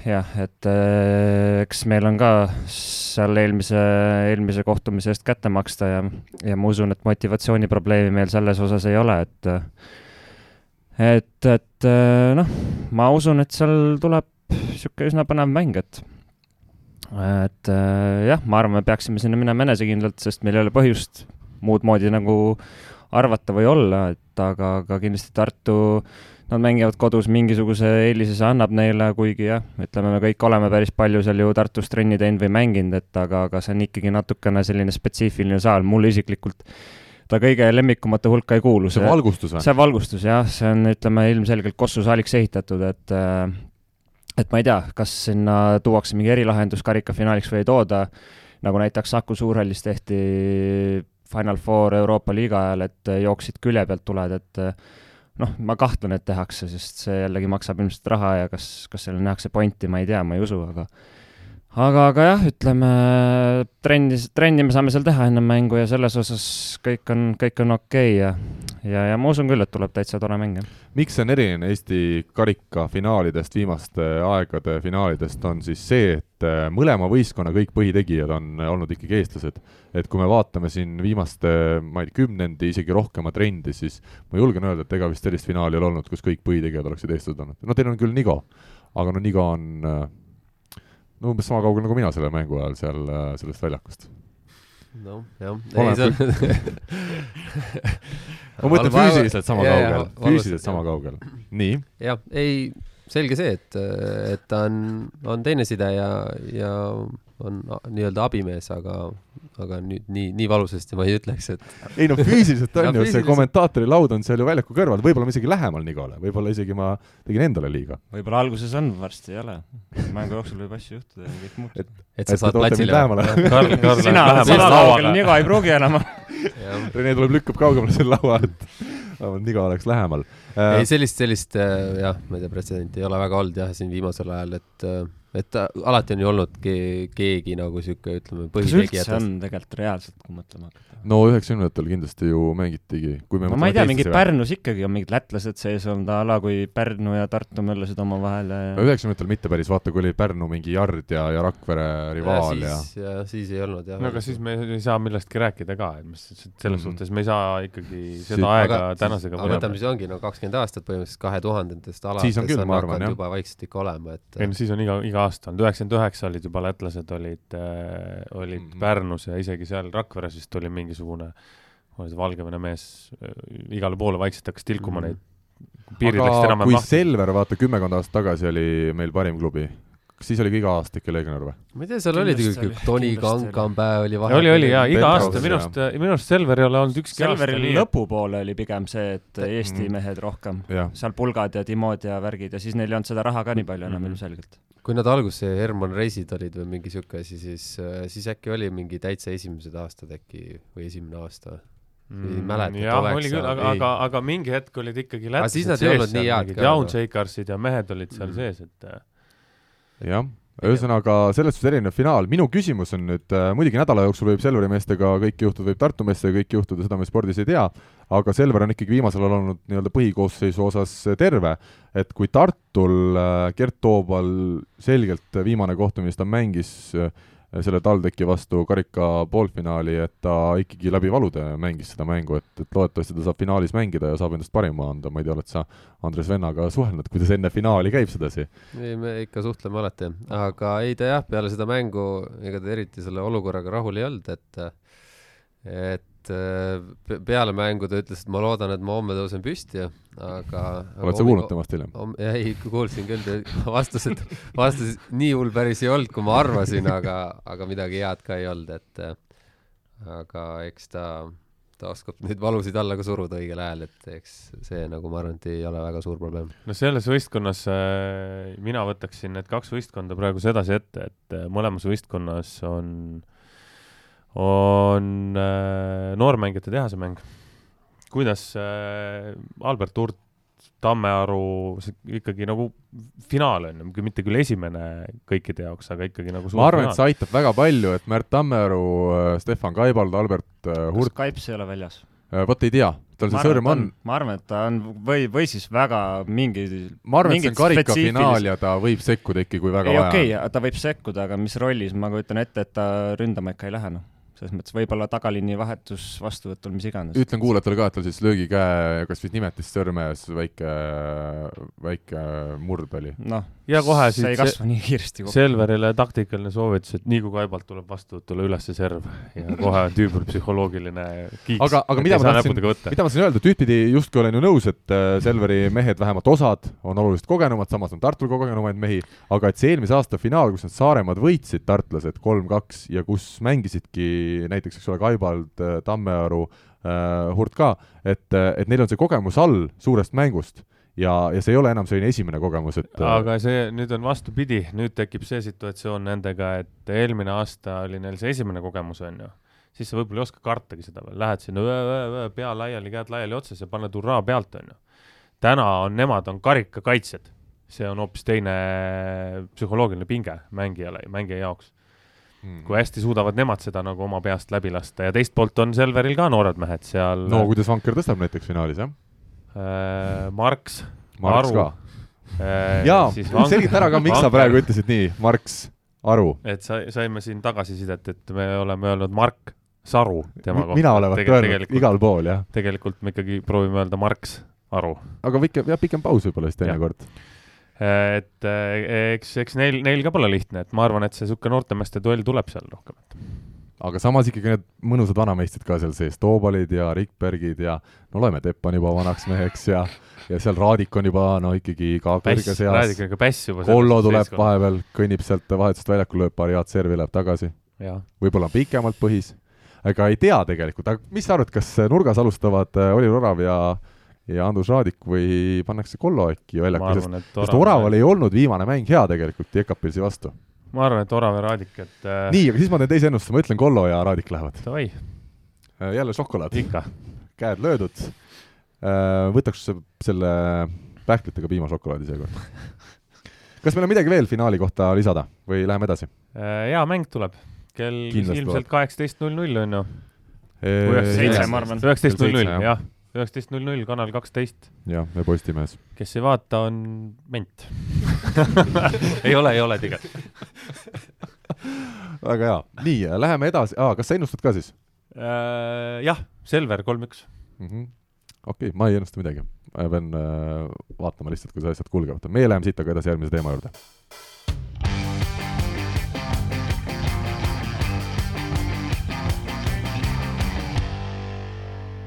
me tuleme küsimuste juurde. Ja eelmisel nädalal siis jäi meil üks suur küsimus õhku. üks kuulaja küsis meie käest, et kui meil oleks võimalik panna kokku oma võistkond. Ja see võistkond siis võiks olla umbes Eesti klubide eelarve sarnane, see eelarve neil, siis millised võistkonnad meie kokku saaksime Andres on võtnud oma telefoni lahti, Rivo on võtnud oma telefoni lahti, minul on arvuti võetud lahti, Rene, sina seekord loobusid, sest ilmselgelt tekiks siin huvide konflikt, et sa jätad seekord, vaatad, mis võistkond meie kokku panime ja teeme siis nii, et sa hindad, milline võistkond nendest kõige parem oleks, sobib? teeme nii. Andres, alustame sinust no,. kuidas sa võistkonna komplekteerisid? jah, meil just äh, oli see teema meil siin chatis ka õhus, et noh, et, et ei ole päris äh, võib-olla niisugune lihtne teha neid äh, ja, võistkondi. mõni äkki solvub ja ja, ja, ja just nimelt ja arvestades positsioone ka natukene, siis ähm, et äh, ma läksin ka niisugust äh, natukene võib-olla teist teed, et mm -hmm kogemused enda ma mänguajast. ma ütlen vahele, et meil oli siis eelarve, kas sina panid ka, meil oli lepitud nelisada tuhat umbes on see hooaja eelarve, millest siis umbes kolmsada tuhat võiks minna palkadele. no jah, selles mõttes ma ise, ma ise mõtlesin niimoodi, et kõik raha, mis on, see kulutatakse ära ah, et ja äh, rohkemgi mis, veel. mis see, mis siis, et jah, et, et mis, palju see on, et kõik kulutatakse ära ühesõnaga. Äh, alustame siis, peatreener vist oli seal küsimus ka. peatreener. ma arvan, et meil on siin kogenud mängijad sees, et selles mõttes ma ei võtnud nagu praeguse aja. ma võtsin nagu Sobib. see hetk, kui ma ise olen mänginud ja mõned inimesed ja Väga point hea. oli selles just, et et oleks hästi muhe võistkond, kes omavahel saaks no kui mind seal ei ole, siis ma solvun näiteks. Sind ei ole kindlasti seal, jah? Jutt käib ju muhedast võistkonnast ikkagi. nii et nii. Äh, saa üle, aga jah, see on täpselt see, et kus, kus ma olen ise see aeg veel mänginud ja niisugust, niisugust selles stiilis. Äh, kulutaks kõigepealt hästi palju raha, et ma saaks enda põlve korda palju selle peale läheb? meditsiiniline eelarve on kakssada tuhat me vaatame seda ja selle järgi saavad ka palkasid, onju. ja, ja. et palju üle jääb põhimõtteliselt. nojah, ja siis, siis hakkame vaatama, onju, ja peatreeneri kohta ei olegi sellepärast, et äh, kui mul põlve ikka korda ei saa, siis Gert mängib, Gert mängib sidekoha ära, muidu mängiks Aha. ise ja noh, võib-olla siis aitaks, onju Ja, Gert sidet, oleks, kui sa ise saaks mängida, siis oleks Gert selline abi, abiside äh,. jah, ja kui noh, ühesõnaga jah, et kui, kui ma ise ei saa, siis Gert viskab ära ikka oh.. Äh, nurgad. oota, aga mul selle kohta, kas, kas palganumbrid on ka või sul ei ole? ei, mul ei ole, selles mõttes. aa, sul on kõik sõbrad panevad. ma ei tea ju, palju raha kulub mul põlve peale. tal on moevõistkond, tal on kõik nõus, nii et nii palju kui üle jääb, nii palju saame. FIE-d siis oi, eh, nurgad äh,, alustame kindlasti Aksest. oi, ta kõige, ei ole mitte ainult sinu võistkonnas meil täna. kõige, kõige moedam vend üldse, noh. ja nurgas on ta ikkagi? Äh, nurgas ikka mm -hmm. jah okay.. võtab, võtab.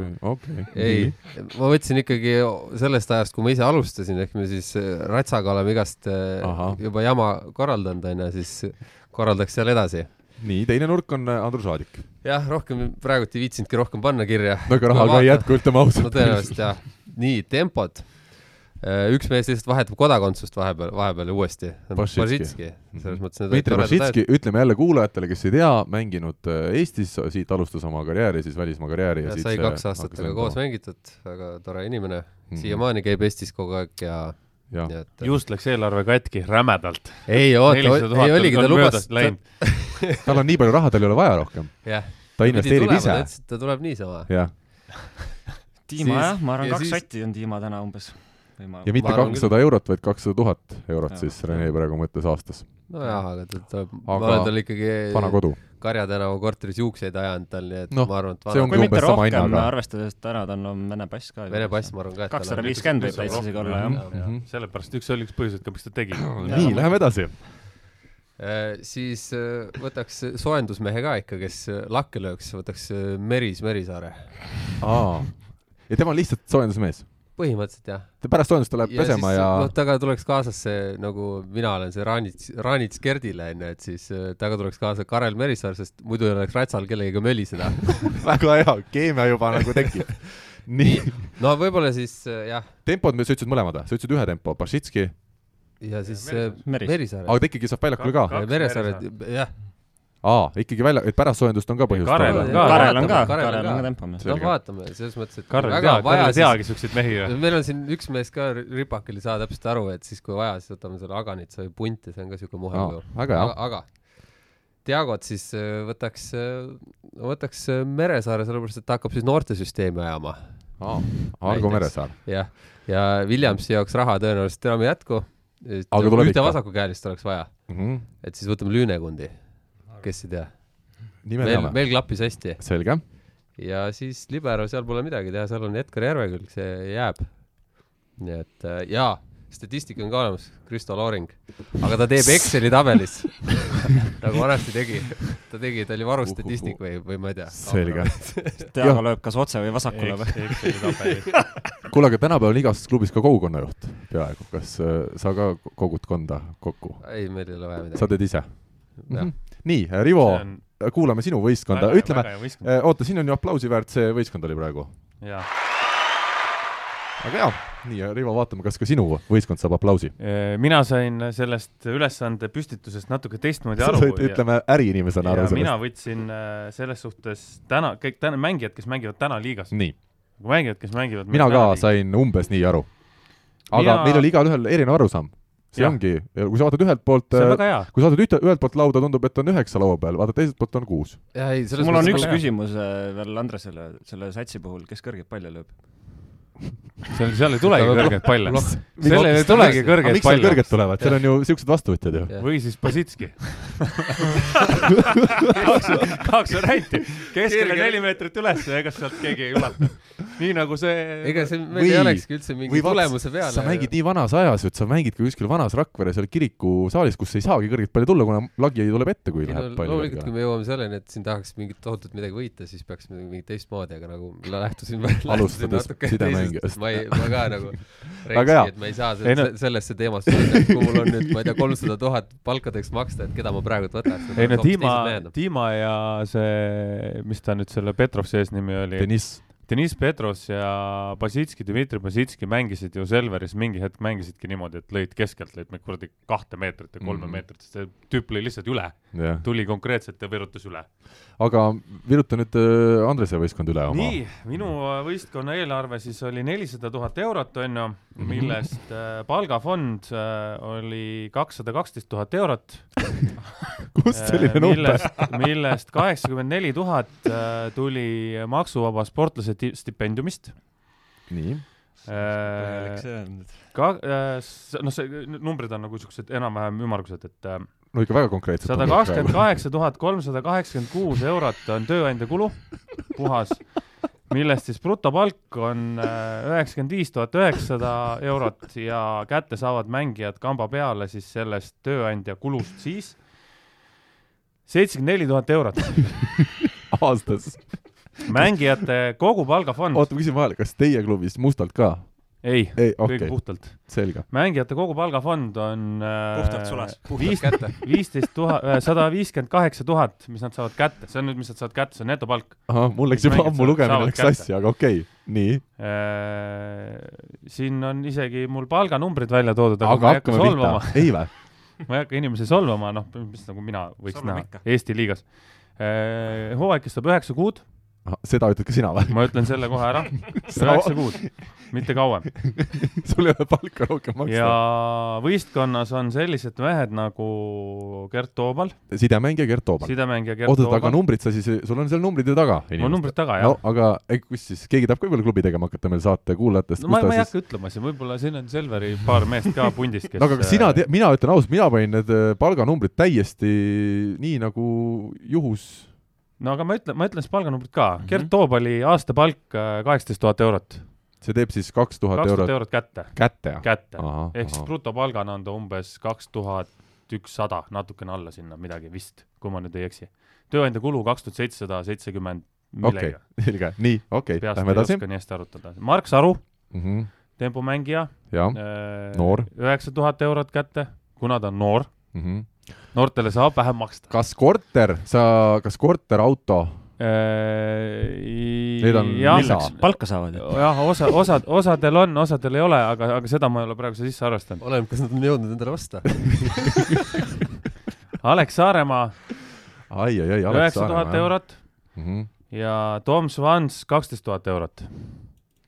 kuupalk, Swans kaksteist tuhat eurot. mitte kuupalk, vaid siis Tom. Swans tuleb kaheteist, see on, jah, okei okay.. mine sa tea, mis sa ütled talle, sa ütled talle teise numbri ja lihtsalt maksad vähem iga kuu või? aga ütle, saab selle kätte, see on tal puhas äh, tema raha. ma saan aru, et see läheb talle. onju, skeemitama ei pea, pension jookseb, maksud on makstud, lähed kuradi oma käsi valutab, läheb arsti juurde, kõik on korras. onju, okei et ei ole mingit sellist, et no mina olen müüdud, mina olen müüdud, loodetavasti Toms ka. Äh, Silver Maar oleks libero mm, Mhm. kusjuures äh, tempode koha pealt ma ei teagi, keda panna, Svants oleks kindlasti sees, sest tal on vaja ühte siukest tempot, kes lööb ikka servi ka vahepeal ja siis Aru või Saaremaa seal omavahel pusiksid. selge. Maar paneks sama summa, kaksteist tuhat. Hurt sama kaksteist tuhat, jah. ja Keel, Marti Keel oleks teine side, ohoh, ahah, ahah. tiimimees, puhas tiimimees. nii, okei okay.. Ka kaksteist tuhat, Raadik Nurk viisteist, Teppan äh, diagonaal kaheksateist, Orav äh, oleks Nurk kolmteist, Pupart muigab, kui ta kuulis? oleks üks, veel üks Nurk oot-oot-oot, Pupart ka, jah? ja viisteist äh, ja Pulk oleks teine diagonaal kolmteist, sa saad päris hea võistkonna kokku. aga kumma sa algkoosseisus väljakule lased, kas Rene või Indreku? Rene. Sest ta on täna stuudios. ei, mitte sellepärast, ma arvan, et tal täna on äh, kogemust ja, ja sellist asja nagu rohkem ette ja, Mhm. ja Gerdiga tal kindlasti klapiks ka paremini kui, kui okei, vankriga praegu. nii, ahah, ja treeneriteks oleks äh, Rikberg ja Vassiljev, nende palkasid ma välja ei kirjutanud. Mhm. Ja Rikberg oleks puhtalt äh, ja Vassiljev puhtalt sellepärast, et kaks noort amb-, ambitsioonikat treenerit ja hoiaks statistiku pealt ka kokku. et Alarile sa paned ikkagi topeltkoormuse jälle peale. no nad mõlemad oskavad seal sahmerdada, ma arvan mm. -hmm. üsna hästi. selge värk. nii, aga Rene, kuidas sulle praegu tundub?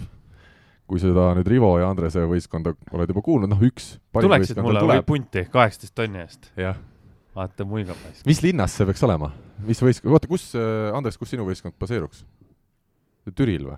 seal ei, kuskile kaug-, võiks kuhugi kaugel minna, Kärdla või midagi siukest. Kärd, oh sa raks. nii, ja Rivo, sinu võistkond baseeruks? minu võistkond baseeruks äh,, ma, ma, ma lähen Kihnu siis kurat, kui juba siin läks saarte peale. saarte peale, see oleks kõva muidugi, kui oleks Mhm. Kihnu, Hiiumaa ja Saaremaa oleks liigas, osaleksid. muud ei mängigi. nii, aga Rene, kumb praegu hetkel, no seda ma saan aru, et raske võrrelda, aga kaks ei ole üldse tegelikult. ei ole, Rivo võistkond, kuna sina võidab, tõesti. ja kaheksateist tuhat on siis, me võime teiseks jääda rahulikult, meil ei ole probleemi. diplomaatiliselt vastan, et, et äh, kuna me baseerume Kihnus, siis ma veel mõtlen. seda ma kas te kartsin. trenni teete ka, kas Seda ma teete siis väljas trenni, sest seal saali ei ole? Sellest korralikku. me ehitame veel raha üle. saali raha, nii pappi. oot-oot-oot, aga sul läks palkade peale üle kahesaja tuhande euro Nii. natuke, kus ülejäänud kakssada, kas see läheb Rivo Vesiku mänedžeri no taskusse? ütleme nii, et äh, treenerite palgad tulevad juurde, sinna tuleb juba palga, tööandja kulu, maksud mm, asjad on ju, reisikulud. reisikulud äh,, iga reis. privaatpaat. söömised, värgid, asjad, et see on kas ta läheks paadiga või? Kuuekohaline kõige paat, noorem sõuab. väike puhver peab ka olema alati, seda küll. et ei saa päris nii ei saa, et äh, Mhm. märtsikuus ütled, kurat, raha on otsas. Võiks ikka aprilli lõpuni välja jääda. nii, aga mina nüüd tulen oma võistkonna juurde siis, kui teil on võistkonnad tehtud äh,. Rene läheb, teeb vahepeal kohvi, nagu õige hetk selle see näitab nii mõndagi äh,. mina olen siis ehitanud võistkonnas edasi üles, et suhteliselt noored võistkonna, mehed kõik äh,, sest nagu me oleme siin rääkinud, noored mehed võib-olla on juba head, aga nad ei saa veel nii head palka kui nad võib-olla tegelikult väärt oleks, ehk siis mina panen nagu tuleviku kvaliteedile ja tänu sellele ma saan võib-olla need noored mehed natuke odavamalt.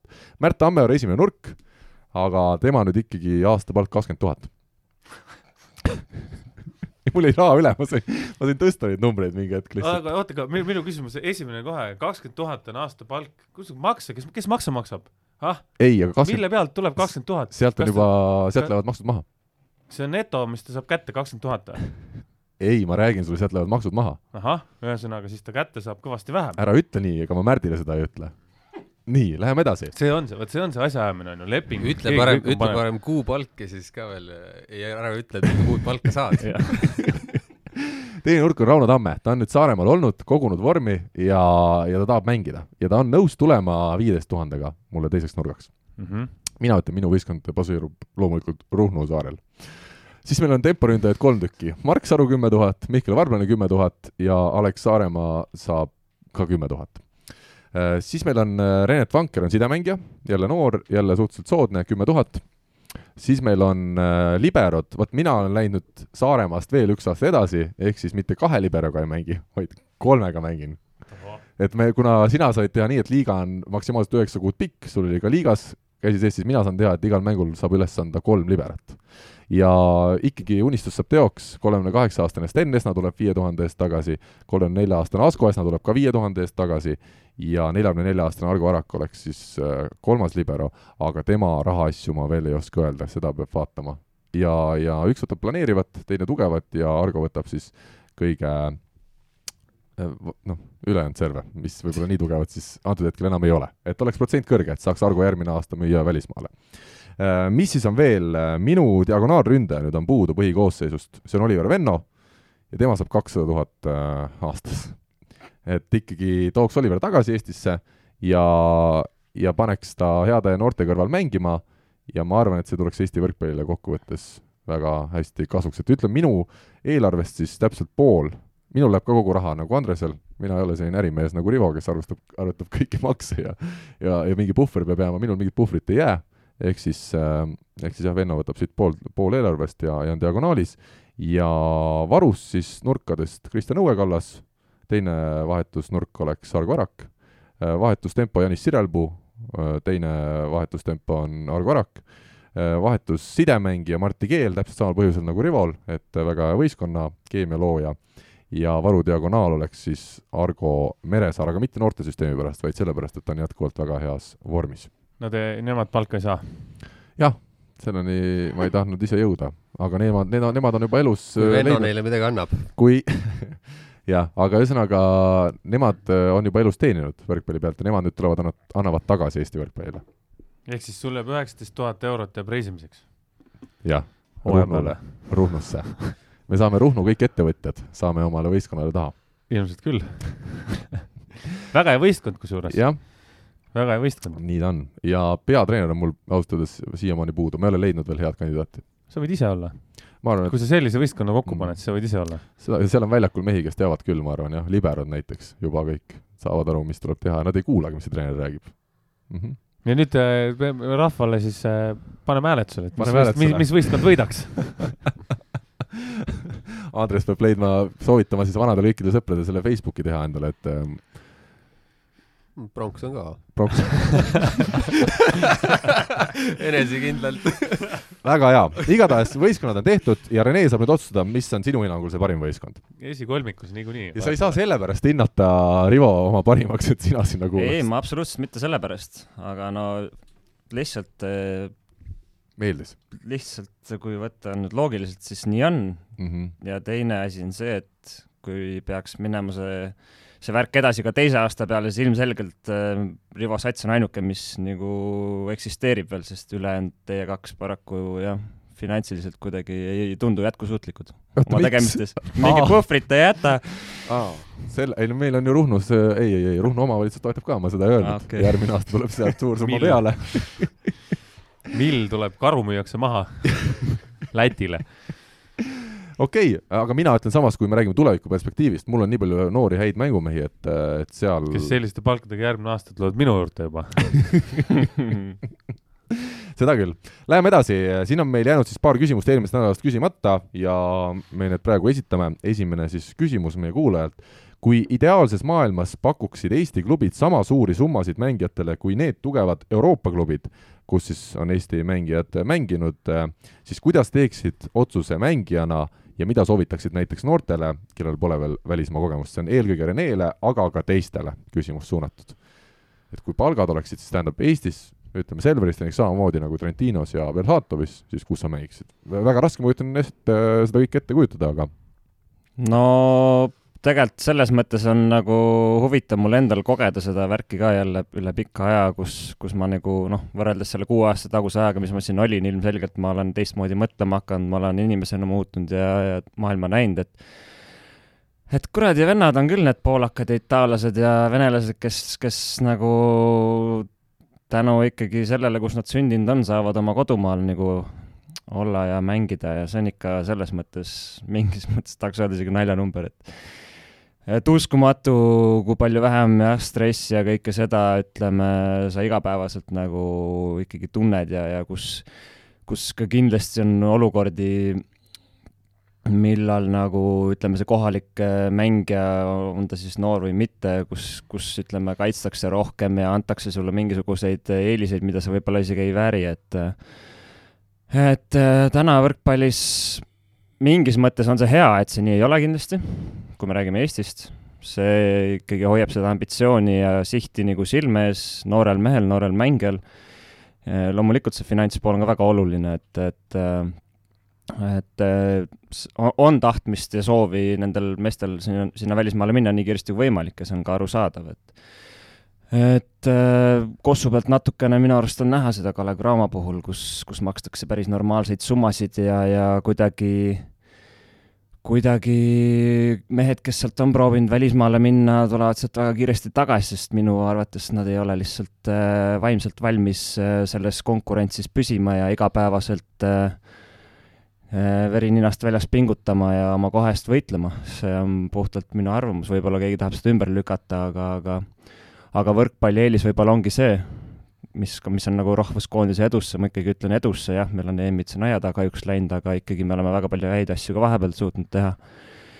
ongi eelis see, et meil on väga palju selliseid äh, läbi seina ja, ja võitlejaid mehi seal nagu platsi peal koondises, et äh, et paraku, paraku pehmod selles mõttes ei jõua mitte kuskile, see on karm maailm ja mida tipule lähemal, seda karmimaks see läheb, et et see ei ole vale, vale ütlus, et sa ei saa olla välismaalasega välismaal samal tasemel, sa pead parem olema, et et see võtab, võtab päris kõvasti vaimujõudu ja, ja see on nagu see protsess, kus sa pead nagu minema mingi hetk sinna välismaale selle karastuse saama, et et see ongi see, mis teeb sust, ütleme, kas selle päris mängija või näitab ära, et sa ikkagi ei ole valmis äh, selliste asjadega toime tulema.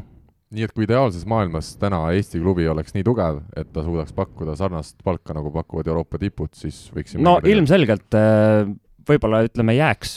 Ja, ja enamuses kindlasti jääks, aga see ei tuleks suures pildis, ma arvan, kasuks. Ja ma toon ka siin näite selle korvpalliga just, et, et mingi ju vahe ei olnud mitte ainult Cramo siin, vaid siin teised klubid ka suutsid ikkagi päris korralikke summasid maksta ja ei tekkinudki üldse seda vajadust kuhugile mu mujale minna ja saidki siukses, ütleme nii-öelda mugavustsoonis nagu tiksuda, sest noh, olid nagu piisavalt palju parem kui need uued noored, kes peale tulid ja, ja, ja palk oli niivõrd hea, et sul ei olnudki vaja nagu, piisas sellest, et sa olid siin nagu selles liigas niisugune täht, et ja, ja said piisavalt palju raha, et mitte nagu murda kuhugile ja noh, see oli ka tulemus, miks, miks koondised võib-olla ei saanud nagu seda asja käima.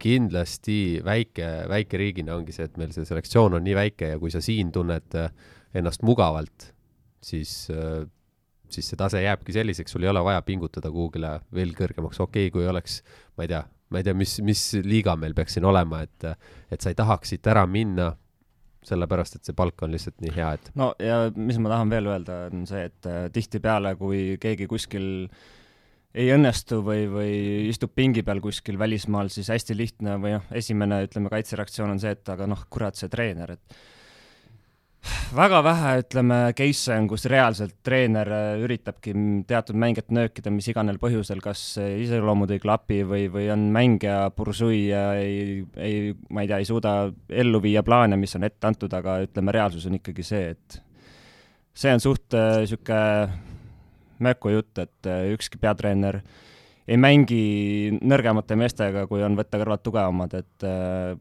peatreeneri pea on samamoodi pakul, tema jaoks on tähtis tulemus ja sellest sõltub ka tema otsene töö, nii et et selles mõttes rohkem kindlasti peeglisse vaatamist ja, ja, ja ütleme seda, seda julgust ja nagu tahtmist nagu ise kõva mees olla mul tuli selline idee, et me võiks ühes saates, aga mitte täna, kuna meil aeg on juba piiratud, rääkida sellest, et kui see kunagine Aavo Keele plaan minna Eesti klubiga Venemaa superliigasse oleks läbi läinud või kui see täna läbi läheks, siis kuidas see kõik välja võiks näha, aga selle siis jätame tulevikuks. küsin järgmise küsimuse ja küsimus tuleb siis Jaagult. palju on olnud juttu seestpoolt ja väljastpoolt antenni päästmisest, aga mis on siis, kui pall läheb üle antenni, nii tõst-, nii näiteks tõste läheb väga pikaks, aga põll, pall kõksatakse selgelt üle antenni pikenduse vastase platsile, on siis sees või väljas, väljaspoolt ei või, seestpoolt võib, aga üle? ei või, see on ei nagu või, läheks pihta. see on jah, täpselt see antenn on, antenni tipp jätkub äh, mõttelise joonega jah. Mm, -hmm. et see on see nii, aga siis me läheme edasi, Aare Albalt on meil tulnud äh, sõnum ja ma loen ära räägi on tervitame Aaret, soovime talle ilusat jõuluaega ja ütleme siis äh, seekordse kirja lõpuosa, loen ette. võrkpall ju iseenesest lihtne mäng, lase platsile kukerpalli või tee tiritamme. kui kogud vastasest rohkem punkte, oledki võitja. loogiline ju. siis aga ilmusid välja treenerid ja hakkasid õpetusi jagama. keelasid platsil vigurdamise, nõudes trennides rassimist ja higi valamist. nüüd küsimus, kas keegi teab, kuskohast need treenerid välja ilmusid? Teooriasid, on nad vanast Kreeka, on nad vanast Kreeka mütoloogiast või hilisest pronksiajastust. pusime edasi, Aare.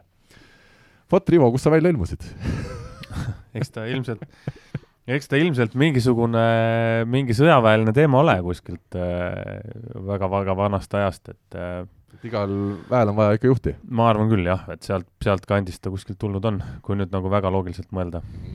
Andres, mis sa arvad? Ikkagi mitte pronksiajast. jah, nõustun, nõustun sellega, et see on jah, pigem selle liidritega seonduvalt, et keegi peab seda asja ohjama ja, ja mingid, mingid otsused vastu võtma eks see sealt sõjaväe kandist on tulnud või, või üleüldiselt no, võib-olla ri, riikide jah, või, või oma klannide juhtimisel. struktuur on ja. selline mm. -hmm. selge, me saime siis sellele küsimusele ka vastuse, aga kusjuures ma ütlen selle, see on väga küsimus, aga ma ütlen selle kohta ühe asja ära ka.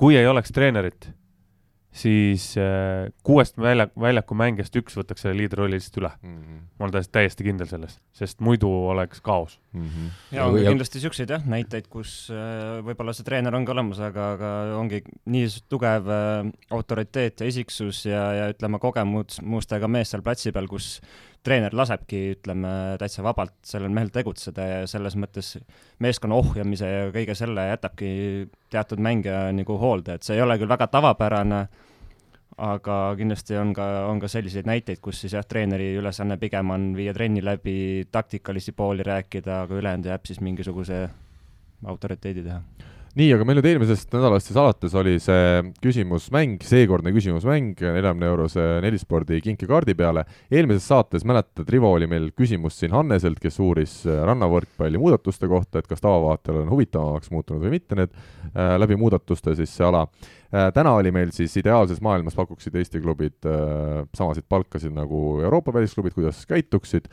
Aare küsis meilt äh, seda, et äh, kust need treenerid tulid ja Jaak uuris antennide kohta kellele me seekord siis võiksime selle kinkekaardi anda või anname Pärnu meeskonnale hoopis ja laseme neil kedagi rõõmustada?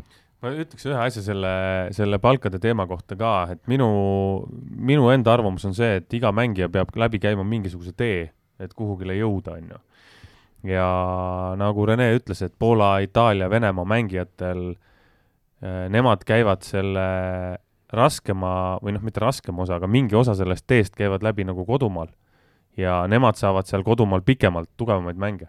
sest Eesti mängijatel ükskõik, kui kõik saaksid sama palju palka, siis see tuleb, taandub sellele, et kas see mängija tahab seda teed läbida või ta tahab olla kodus, noh mm -hmm. kui ta tahab olla kodus, siis olla kodus, aga kui sa oled äh, kaksteist korda tulnud Eesti meistriks, siis minu jaoks on see igav.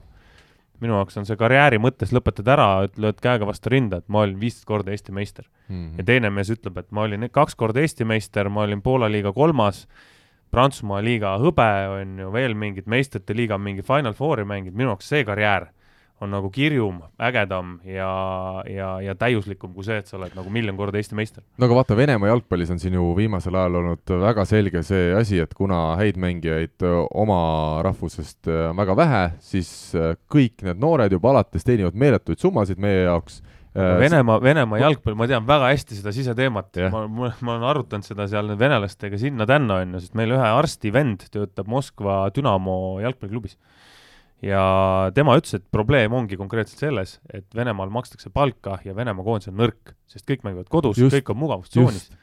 keegi ei tee midagi, nii kui lähevad välismaale, tekib seesama, mis Rene ütles, neid on läinud küll ja, igale poole. on läinud proovima korraks ja, ja tulevad kohe tagasi. kohe tagasi kohe, sest seal on, seal nõutakse, noh, sealt mm -hmm. nõutakse nii palju, tuleb mingi Aršavin, kes läks peale EM-i.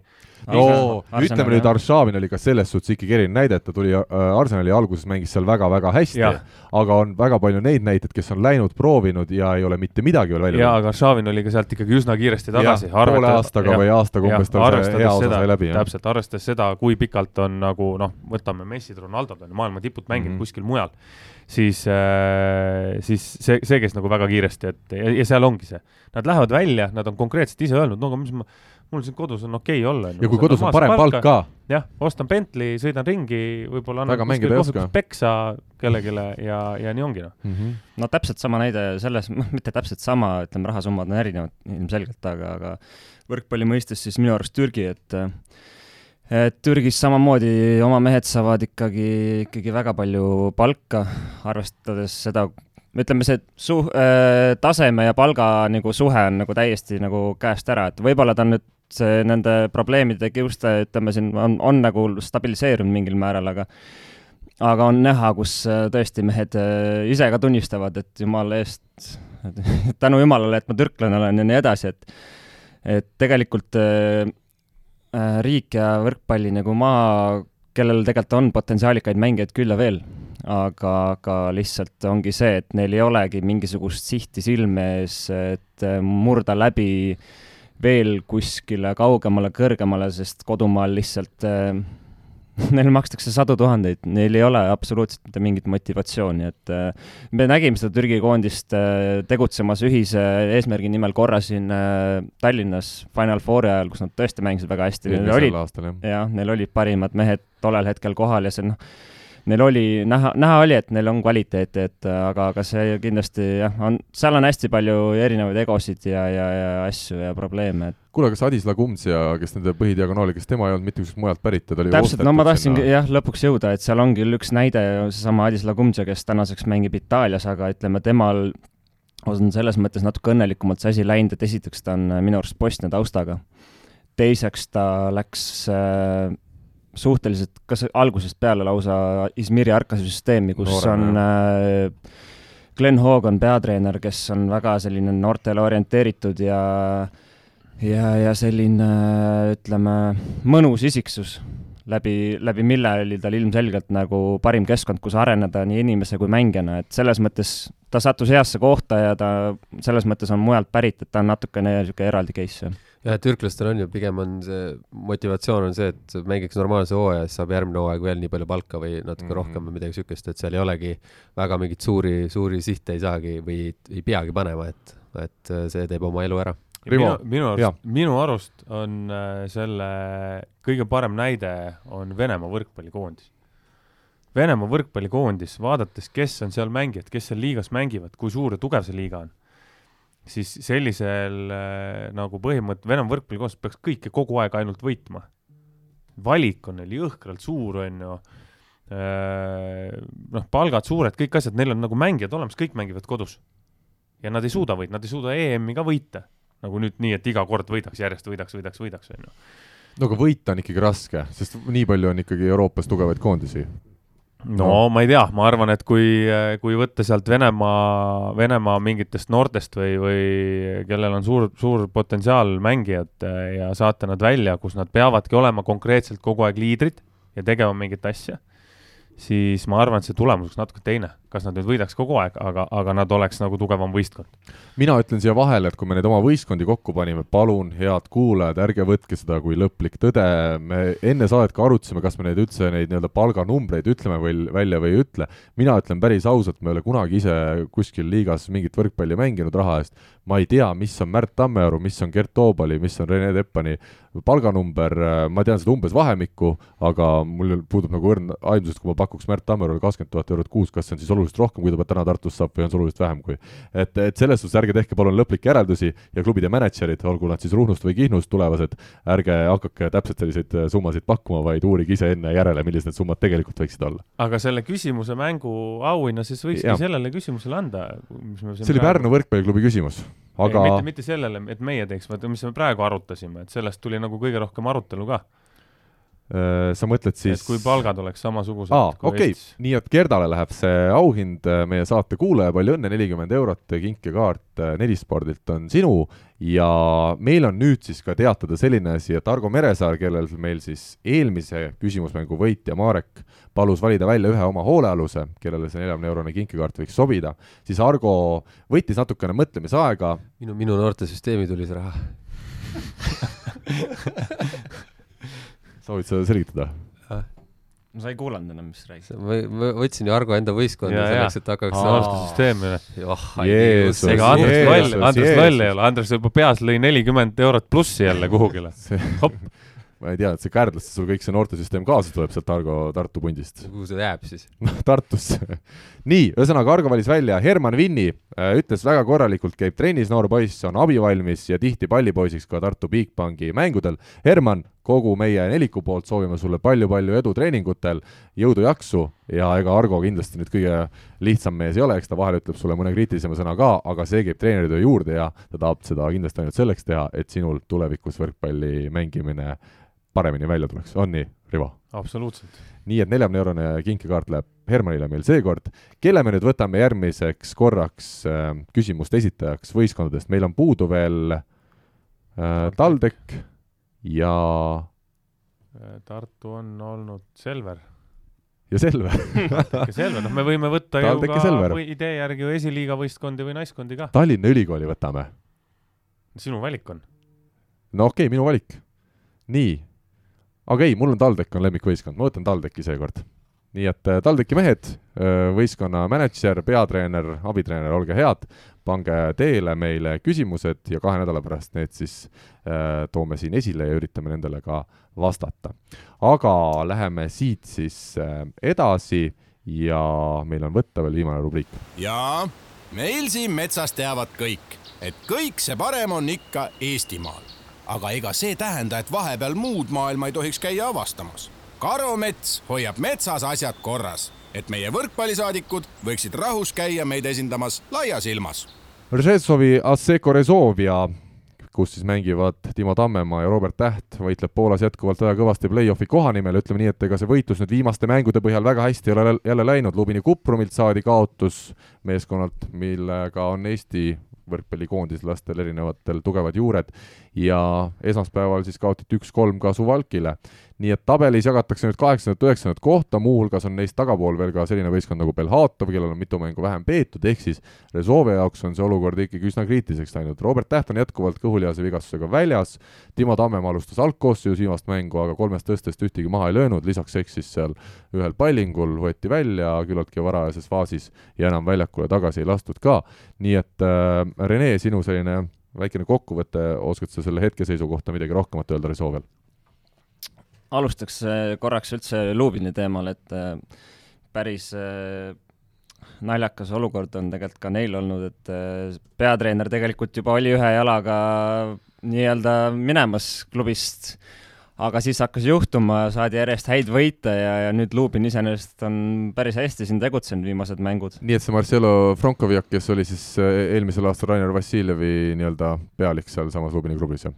Just, et tema positsioon täna on jällegi selles mõttes ilmselt päris tugev, et no samas nad on ikkagi kaheteistkümnendad tabelis. no no tabel tabeliks, ega selline... Lubini ikkagi ja. eesmärk on äh, püsima jääda, see on, see on number üks, et äh, lihtsalt äh, naljakas väike näide, kõrvalnäide selles osas, kui kui õhuke on see tippsport, et üks päev sa oled äh, vallandatud põhimõtteliselt, teine päev sa oled jumal, et, et jah, selline väike vahepala, aga, aga Rezov ja jah, ütleme kui tundus, et siin mingisugune stabiilsus on nagu juba saavutatud ja mingisugune enesekindlus mängupildis, siis nüüd viimased kaks mängu jällegi on risti vastupidi läinud, et äh, et ilmselgelt seal on ju välja kujunenud tänaseks päevaks võib-olla erinevatel põhjustel, aga, aga kaks liidrit, äh, Clemens Sebul, nurgaründaja, Sloveenia koondislane ja, ja Karol Putrin äh, siis siis poolakast diagonaalründaja, et äh, need kaks mäng, mängijat on viimased kaks mängu streikinud, et väga palju rünnakuvigu on äh, just nendelt kahelt mehelt äh, tulnud ja, ja ei ole sellist kõrget taset võib-olla siis näidanud, mida, mida nagu oleks vaja eeldada, et sinu meeskonna liidrid nagu suudavad pakkuda, et et ütleme jah, see, see Clemens Pull eriti, ta on kuidagi niisugune huvitav mängija, et koondises ta on äh, Sloveenia ridades väga häid turniire teinud just Euroopa meistrivõistlustel kahel järjest, et nad on ju kaks korda jutti minu arust hõbemedaliga lõpetanud turniiri, et et selles osas äh, natukene on kogu see võistkond selle mehe nägu, et jube üles ja alla kuidagi see värk käib ja, ja ja, ja ütleme, ma usun, et seal tujud ei ole täna väga head hetkel enam, et et nüüd küll jah, toodi, toodi küll täiendus, mida oli hädasti vaja, sest ütleme, see kahe nurgaründaja ärakukkumine on väga suur kadu. Äh, Rahva Pušek äh, iseenesest ei ole paha mängumees, samas teisest küljest täna tema rünnak ilmselgelt ei ole piisavalt äh, kõrgel tasemel enam plussliiga jaoks mis tahes klubi ridades, et et tuli see paroodi, iseenesest tegi, tegi päris normaalseid numbreid mõlemas mängus juba, et et ka eile vaatasin seda mängu lõppu, numbriliselt päris okei okay,, aga noh, ilmselgelt sattus talle jälle seal mängu lõpus olukord, kus talle jäi nagu ütleme, kõige, kõige otsustavam pall lüüa ja noh, raske on loota, et uus mees tuleb ja hakkab kohe seal midagi vedama, et selles mõttes tal on kindlasti vaja natukene aega anda, aga mis on nagu positiivne, tundub, et ta on ennast hästi vormis hoidnud Itaalias, et eks see, eks see Alberto Giuliani peatreener otsis head lahendust sealt turult ja, ja Simone Barodi selles mõttes, ma arvan, on suht niisugune safe äh, valik, et ta on ikkagi väga tuntud mängumees ja, ja tal on väga hea, väga hea selles mõttes ettekujutus ka Poola liigast, kuna eelmine aasta samamoodi ta tegelikult alustas hooaega klubita, ta tegi trenni Trentinoga ja ühel hetkel kutsuti Saksaga Jersey Kozlesse, et äh, tegi niisuguse okei okay hooaja, ma arvan. jah, ta võib-olla ei ole enam, ütleme seal top, ütleme, ma ei tea, viis nurga tänasel päeval, aga, aga selge on see, et äh, pole, pole paha, ütleme, täiendus. teisest küljest kindlasti klubi ootab äh, nii Seršeni kui Robbie tagasi, et, äh, et hädasti, hädasti neil on iga meest vaja kas või, kas või ma ei tea, et saaks normaalset trenni teha kus kuuele, et seal on keerulised ajad, seal on, noh, ma ei tea, kas, kas mõjutab ka see, et hästi palju juttu on just Marketi puhul olnud sellest Resolvest, mis, mis nagu järgmine aasta saab ja ja nagu toimub, et äh, päris kuidagi huvitavalt vara on hakanud asjad pihta sel aastal ja ja kuidagi väga julgelt öeldakse neid asju välja, et mm, just, just nagu mängijate enda poolt ka, et jah, näiteks Ben Donjuti Saksa sidemängija, kui ma ei eksi, ka ütles ise välja, et ta järgmine aasta mängib ühes teises klubis, et äh, selliseid asju üldiselt on ainult ruumori nii-öelda põhjal, aga, aga mängijad ka ise nagu kinnitavad neid asju, et et eks võib-olla see tekitab ka seal mingeid lisapingeid veel, aga, aga noh, kuidagi, kuidagi raske on neil. Jah, see voolavus ikkagi ei ole see, et väga kuidagi liiga kaootiline on see mäng hetkel veel ja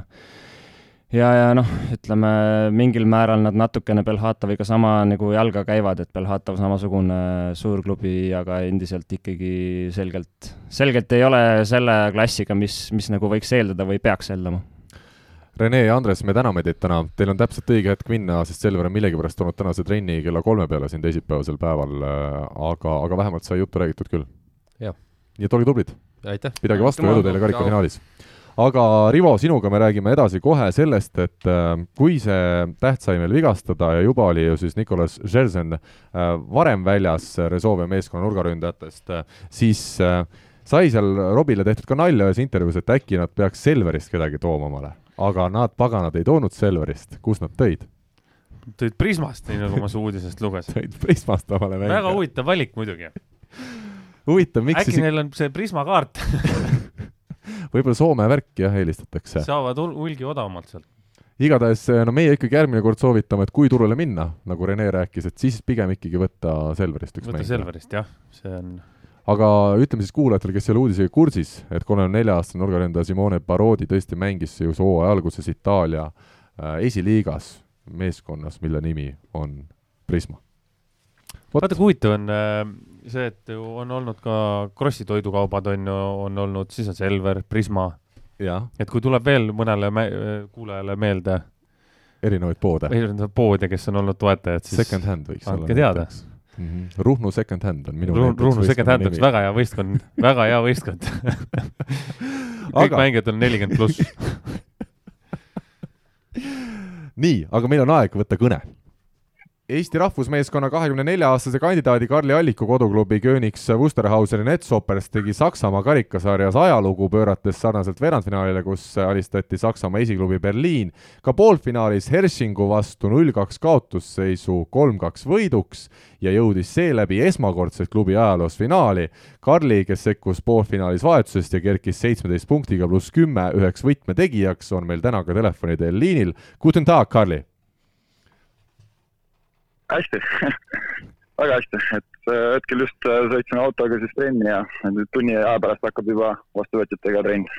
räägi, mis tunne oli olla väljakul veerandfinaalis Berliini vastu ja poolfinaalis Helsingu vastu, kui te suudate mõlemad kohtumised null-kaks kaotusseisust pöörata kolm-kaks võiduks, on need sinu karjääri kõige magusamad võidud? Aga kindlasti klubi karjääris kindlasti, et selles suhtes, et äh, noh, ma arvan, et Berliiniga mäng oli siiski nagu kõige magusam selles suhtes, et nad on siiamaani nagu Bundesliga-s ikkagi nagu võitmatud olnud ja, ja see oli tõesti väga, väga, väga imeline emotsioon seal väljakul just, just panna see viimane plokipunkt ka see Ben Batchi, kes tavaliselt lööb nelja meetri kõrguse pealt, et selles suhtes oli väga, väga hea tunne mis nüüd klubi poolt on järgnenud, kas peatreener on midagi rääkinud, on klubi toetajad mingid boonused juba õhku visanud, mida need äh, kaks väga erilist võitu on, on toonud? no näiteks see, et me Berliini võitsime, siis see järgmine mäng, mis meil oli Hersingi vastu, see poolfinaal, et seda olid vaatamas ka siis äh, Dresdensi linnapea, ehk siis ühesõnaga see koht, kus me siin trenni teeme, Landkost Arenas. ja samuti ka siis Königs Wusterhauseni nii-öelda siis meer nagu linnapea. et noh, need mehed tavaliselt nii palju, kui ma klubis siis nagu kuulsin, et nagu võrkpallist väga mütsi, öödega mütsi ei jaga, aga noh, meedias on ka päris palju nagu meist kirjutatud, et et see aasta on Netsoppersi tõesti nagu teisest, teisest klassist nagu meeskond ja ei ole varem nagu sellist Netsoppersit nagu varem, varem nähtud siin Bundesligas. et olid ka need mehed koha peal nagu vaatamas seal äh, Potsdamis siis meie mäng, meie mängu. Räägime nüüd sellest poolfinaalmängust äh, Hersinguga, te olite esimese geimi kaotanud kakskümmend üks, kakskümmend viis, teises, kusjuures te ju vist lõpuhetkedel olite ikkagi päris heas seisus veel, sina ise eksisid, eksisid seal mõned teised mehed veel, te kaotasite selle teise geimi ka ikkagi kakskümmend kuus, kakskümmend kaheksa. kui raske oli pärast sellist geimi kaotust uuesti tõusta ja, ja usku säilitada?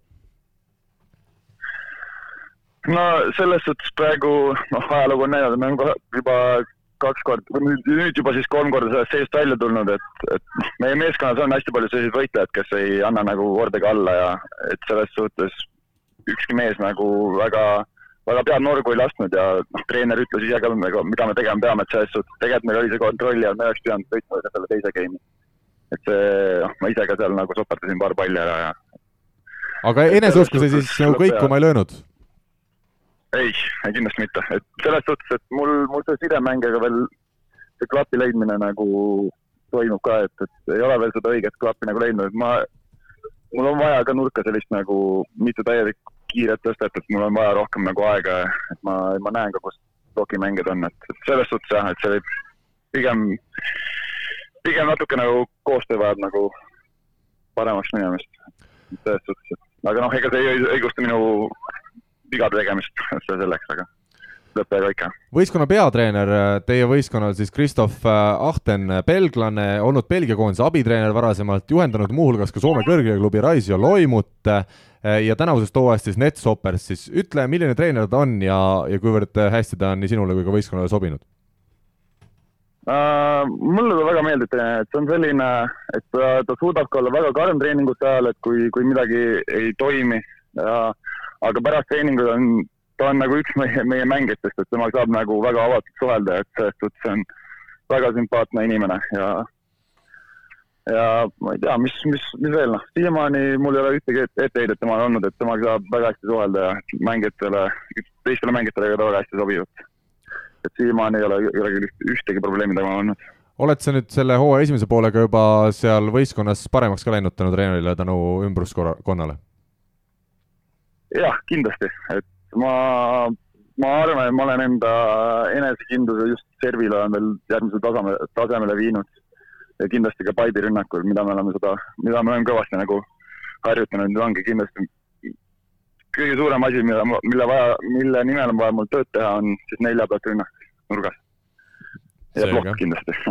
teistega, teiste elementidega ma nagu väga probleemi ei näe Karli, minu hinnangul peaks sinu ees küll tänavuse hooaja osas nagu mütsi maha tõstma, sest nii nagu ma olen aru saanud, äh, sa läksid tegelikult Saksamaale väiksema palga peale, kui sul oli Eestis Tallinna Selveris mängides, ehk siis sa võtsid selle riski vastu, et sa lähed ja proovid ikkagi läbilööki veel uuesti Saksamaa kõrgliigas, nagu sa olid siis mõned aastad varem teinud. kui raske või kerge see otsus sulle endale oli ja, ja, ja ütleme, kust siis selline ikkagi julgus tuli, et, et minnagi kas või väiksema palga peale, aga pigem ennast veel äh, proovile panema mm,? no nagu siin, nagu siin varasemalt on ka Rene Tepp on nagu rääkinud, et alguses ei saa kohe hakata neid rahamägesid nagu lootma, et on vaja kuskilt nagu pihta hakata ja no ma, mul on ka nagu väga palju eesmärke, kus ma tahan veel enda karjääris jõuda, et ja nagu see on ka nagu väga ütleme nii, et emotsionaalne mulle, sest ma olen nagu terve suvi olen nagu selle nimel nagu tööd nagu teinud. et selles suhtes, et, et võib öelda, et raske töö kannab vilja. aga Karli. kindlasti on siit ainult edasi minna. Karli, ärme unusta, eks ole, sellest raskest suvest sa rääkisid, see ühine Pärnumaa meistrivõistluste rannavalve etapp, mille me sinuga ära võitsime, et see ilmselt ikkagi ladus, ladus hea põhja sellele saalihooajale.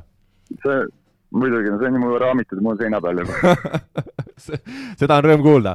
kahekümne kaheksas veebruar peaks siis olema tänase päeva seisuga see suur päev Netsopertsi klubi jaoks, kui mängitakse finaal. vastu tuleb Frankfurt, kes alistas poolfinaalis kolm-kaks Marti Juhkami koduklubi Friedrichshafeni ja viimati siis kahe tuhande kolmeteistkümnendal aastal ei võitnud Berliin ega Berla-, Berliin või Friedrichshafen Saksamaa karikat, nii et igal juhul suur finaal ja eriline finaal on ees ootamas. ütle, kes selles finaalis favoriit on ja, ja kuivõrd äh, tähtis ka seal finaalis siis see kuldmedal ära võtta oleks? Äh, no ma kindlasti hetkel ei oska nagu öelda selles suhtes, et Frankfurdi neil on ka väga, väga palju kogenud mängijad ja et selles suhtes see kindlasti väga suur üllatus mulle ja tervele meeskonnale ja ma arvan päris mõnes mõttes ka kõigile, et, et äh, Frankfurt selle poolfinaali kaotas. aga noh, ma, siin on nii palju veel aega, et see on kahe, kakskümmend kaheksa veebruar, et sinna on veel kaks-kolm kuud minna, et selles suhtes, et see on päris pikk aeg, et selles suhtes ei tea, mis seisuses mõlemad meeskonnad selle, sellel hetkel on, aga ma, ma hetkel usu, usu, julgeksin öelda, et kuskil fifty-fifty selge, aga Karli, suur äh, rõõm on olnud jälgida sinu tegemisi sel hooajal Saksamaal, loodetavasti läheb sama hästi ja veel paremini edasi. soovime sinule siit Manta Maja stuudiost palju edu ja auf Wiedersehen! kõike paremat teile ka, kõigile! Nii, ja Rivo, ma arvan, et meil on äh, võib-olla Karlile väikene aplaus kuluks ka ära, me täna ei ole väga palju ja. aplausi lasknud. kindlasti.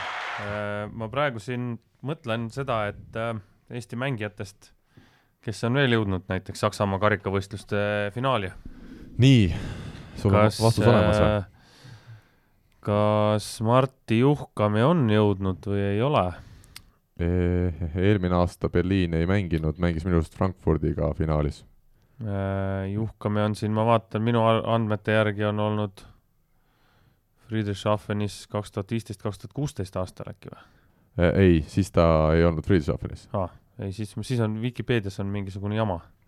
Ühesõnaga, minu arust, äh, no me jah, varem ei ütle siin midagi, muidu jätame endast väga rumala mulje. eks jah, ma tean, ma tean seda, et Kristjan Õuekallas on mänginud aa on nii, jah? Kristjan Õuekallas on mänginud kunagi jah, kas isegi mitte ei valitud seal mingiks parimaks mängijaks või poolfinaali parimaks mängijaks, midagi sellist seal oli. no igatahes Juhkamäe, eks ole, meil kaks viimast aastat Friedrichshafenis olnud ja üks aasta siis äh, varem, kui ta läks Selverist välismaale, see oli vist kaks tuhat kolmteist, neliteist oli ta Püüli võistkonnas, aga jumal, ma nüüd pead ei anna, aga kas ta Püüliga finaali jõudis karikas, pigem eelmine mitte. aasta ei olnud siis karikas finaalis Friedrichshafen? ei, minu arust just, ma ütlen, oli Frankfurt ja Berliin olid mm -hmm, seal mm. -hmm no vot, siis äh, Karli poolt jälle üks selline ajalooline tegu Eesti võrkpallis, et äh, kõva sõna kindlasti. täitsa uskumatu ikka kokkuvõttes, kui ma lugesin ka Saksamaa meediast tänaseks kohtumiseks või tänaseks saateks ette valmistades, mida seal võistkonna kohta räägiti, et äh, et keegi ei oodanud neilt, nad on olnud selline hallid hiirekesed või kuidas neid seal Saksamaa meedias nimetati, kes on alati olnud kuskil tagapool, ei ole nagu midagi suurt saavutanud aga, aga nüüd siis esmakordselt selline finaali jõudmine, vist kunagi nad olid kas poolfinaalis mänginud just karikal ka, aga et nüüd nagu esmakordselt näitasid, et on sisuga jõuda täitsa veel kaugemale. väga äge ja, ja kuna nüüd äh, kõige suurem klubi vist vastas ei ole, on ju?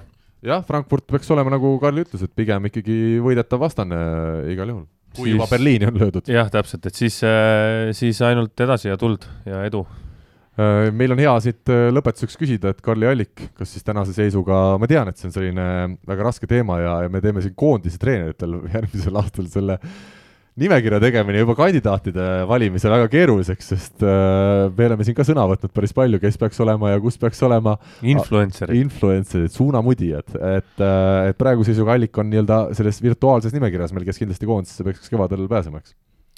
Jah, kui me vaatame tulemuste järgi, siis on, on äh, siin Karlik ka,, Karlik, Karli Allik on üks esimesi nurgaründajaid seal, kui me täna vaatame tulemuste järgi. jah, nii et saab olema huvitav jälgida, aga jah, alles veebruarikuus see finaal toimub, no loodame, et see finaal üldse toimub. Loodetavasti siis juba meie eestlaste jaoks ka edukat, vahepeal veel parandan ennast, eelmise aasta karikafinaalis Berliin mängis Türeniga, mitte Frankfurdiga. aga see selleks, Rivo äh, ikkagi vahepeal on kahekesi ka siin stuudios hea olla, siis äh, ei pea Renele otsa vaatama, et milliseid teemasid tohib käsitleda Rahvaliigast ja, ja, ja muudest tegemistest äh, kajastades siin ja, ja saab nagu vabalt sedasi, sõna on vaba. jah, muidu, muidu kogu aeg istume siin, selline tunne nagu peaks hirmsat Selverit kiitma ainult, kogu aeg surve on kuskilt pealt tänase saate lõpus survet ei ole, loodetavasti Andres ja Rene seda saate lõppu ei kuula, aga meie teiega peaksime siis kohtuma uuesti nädala pärast, aga see, mis hetkel see saade eetrisse läheb ja kust, on natukene veel lahtine, sest pühad on ees ootamas ja karikafinaal ju ka Tartus ja me natukene veel nuputame seda kõike. aga see ei ole enam kuulajad teie mure, küll see saade kuidagi kusagilt ikka eetrisse jõuab, aitäh teile ja kohtume uuesti siis nädala aja pärast! suur tänu! Eesti kõige põnevamad podcastid on Delfis, kuula tasku.delfi.ee. Mikk-Mikk. ega edu pole jänes, mis seest ära jookseb, ärid on edukad Hammerheadi majades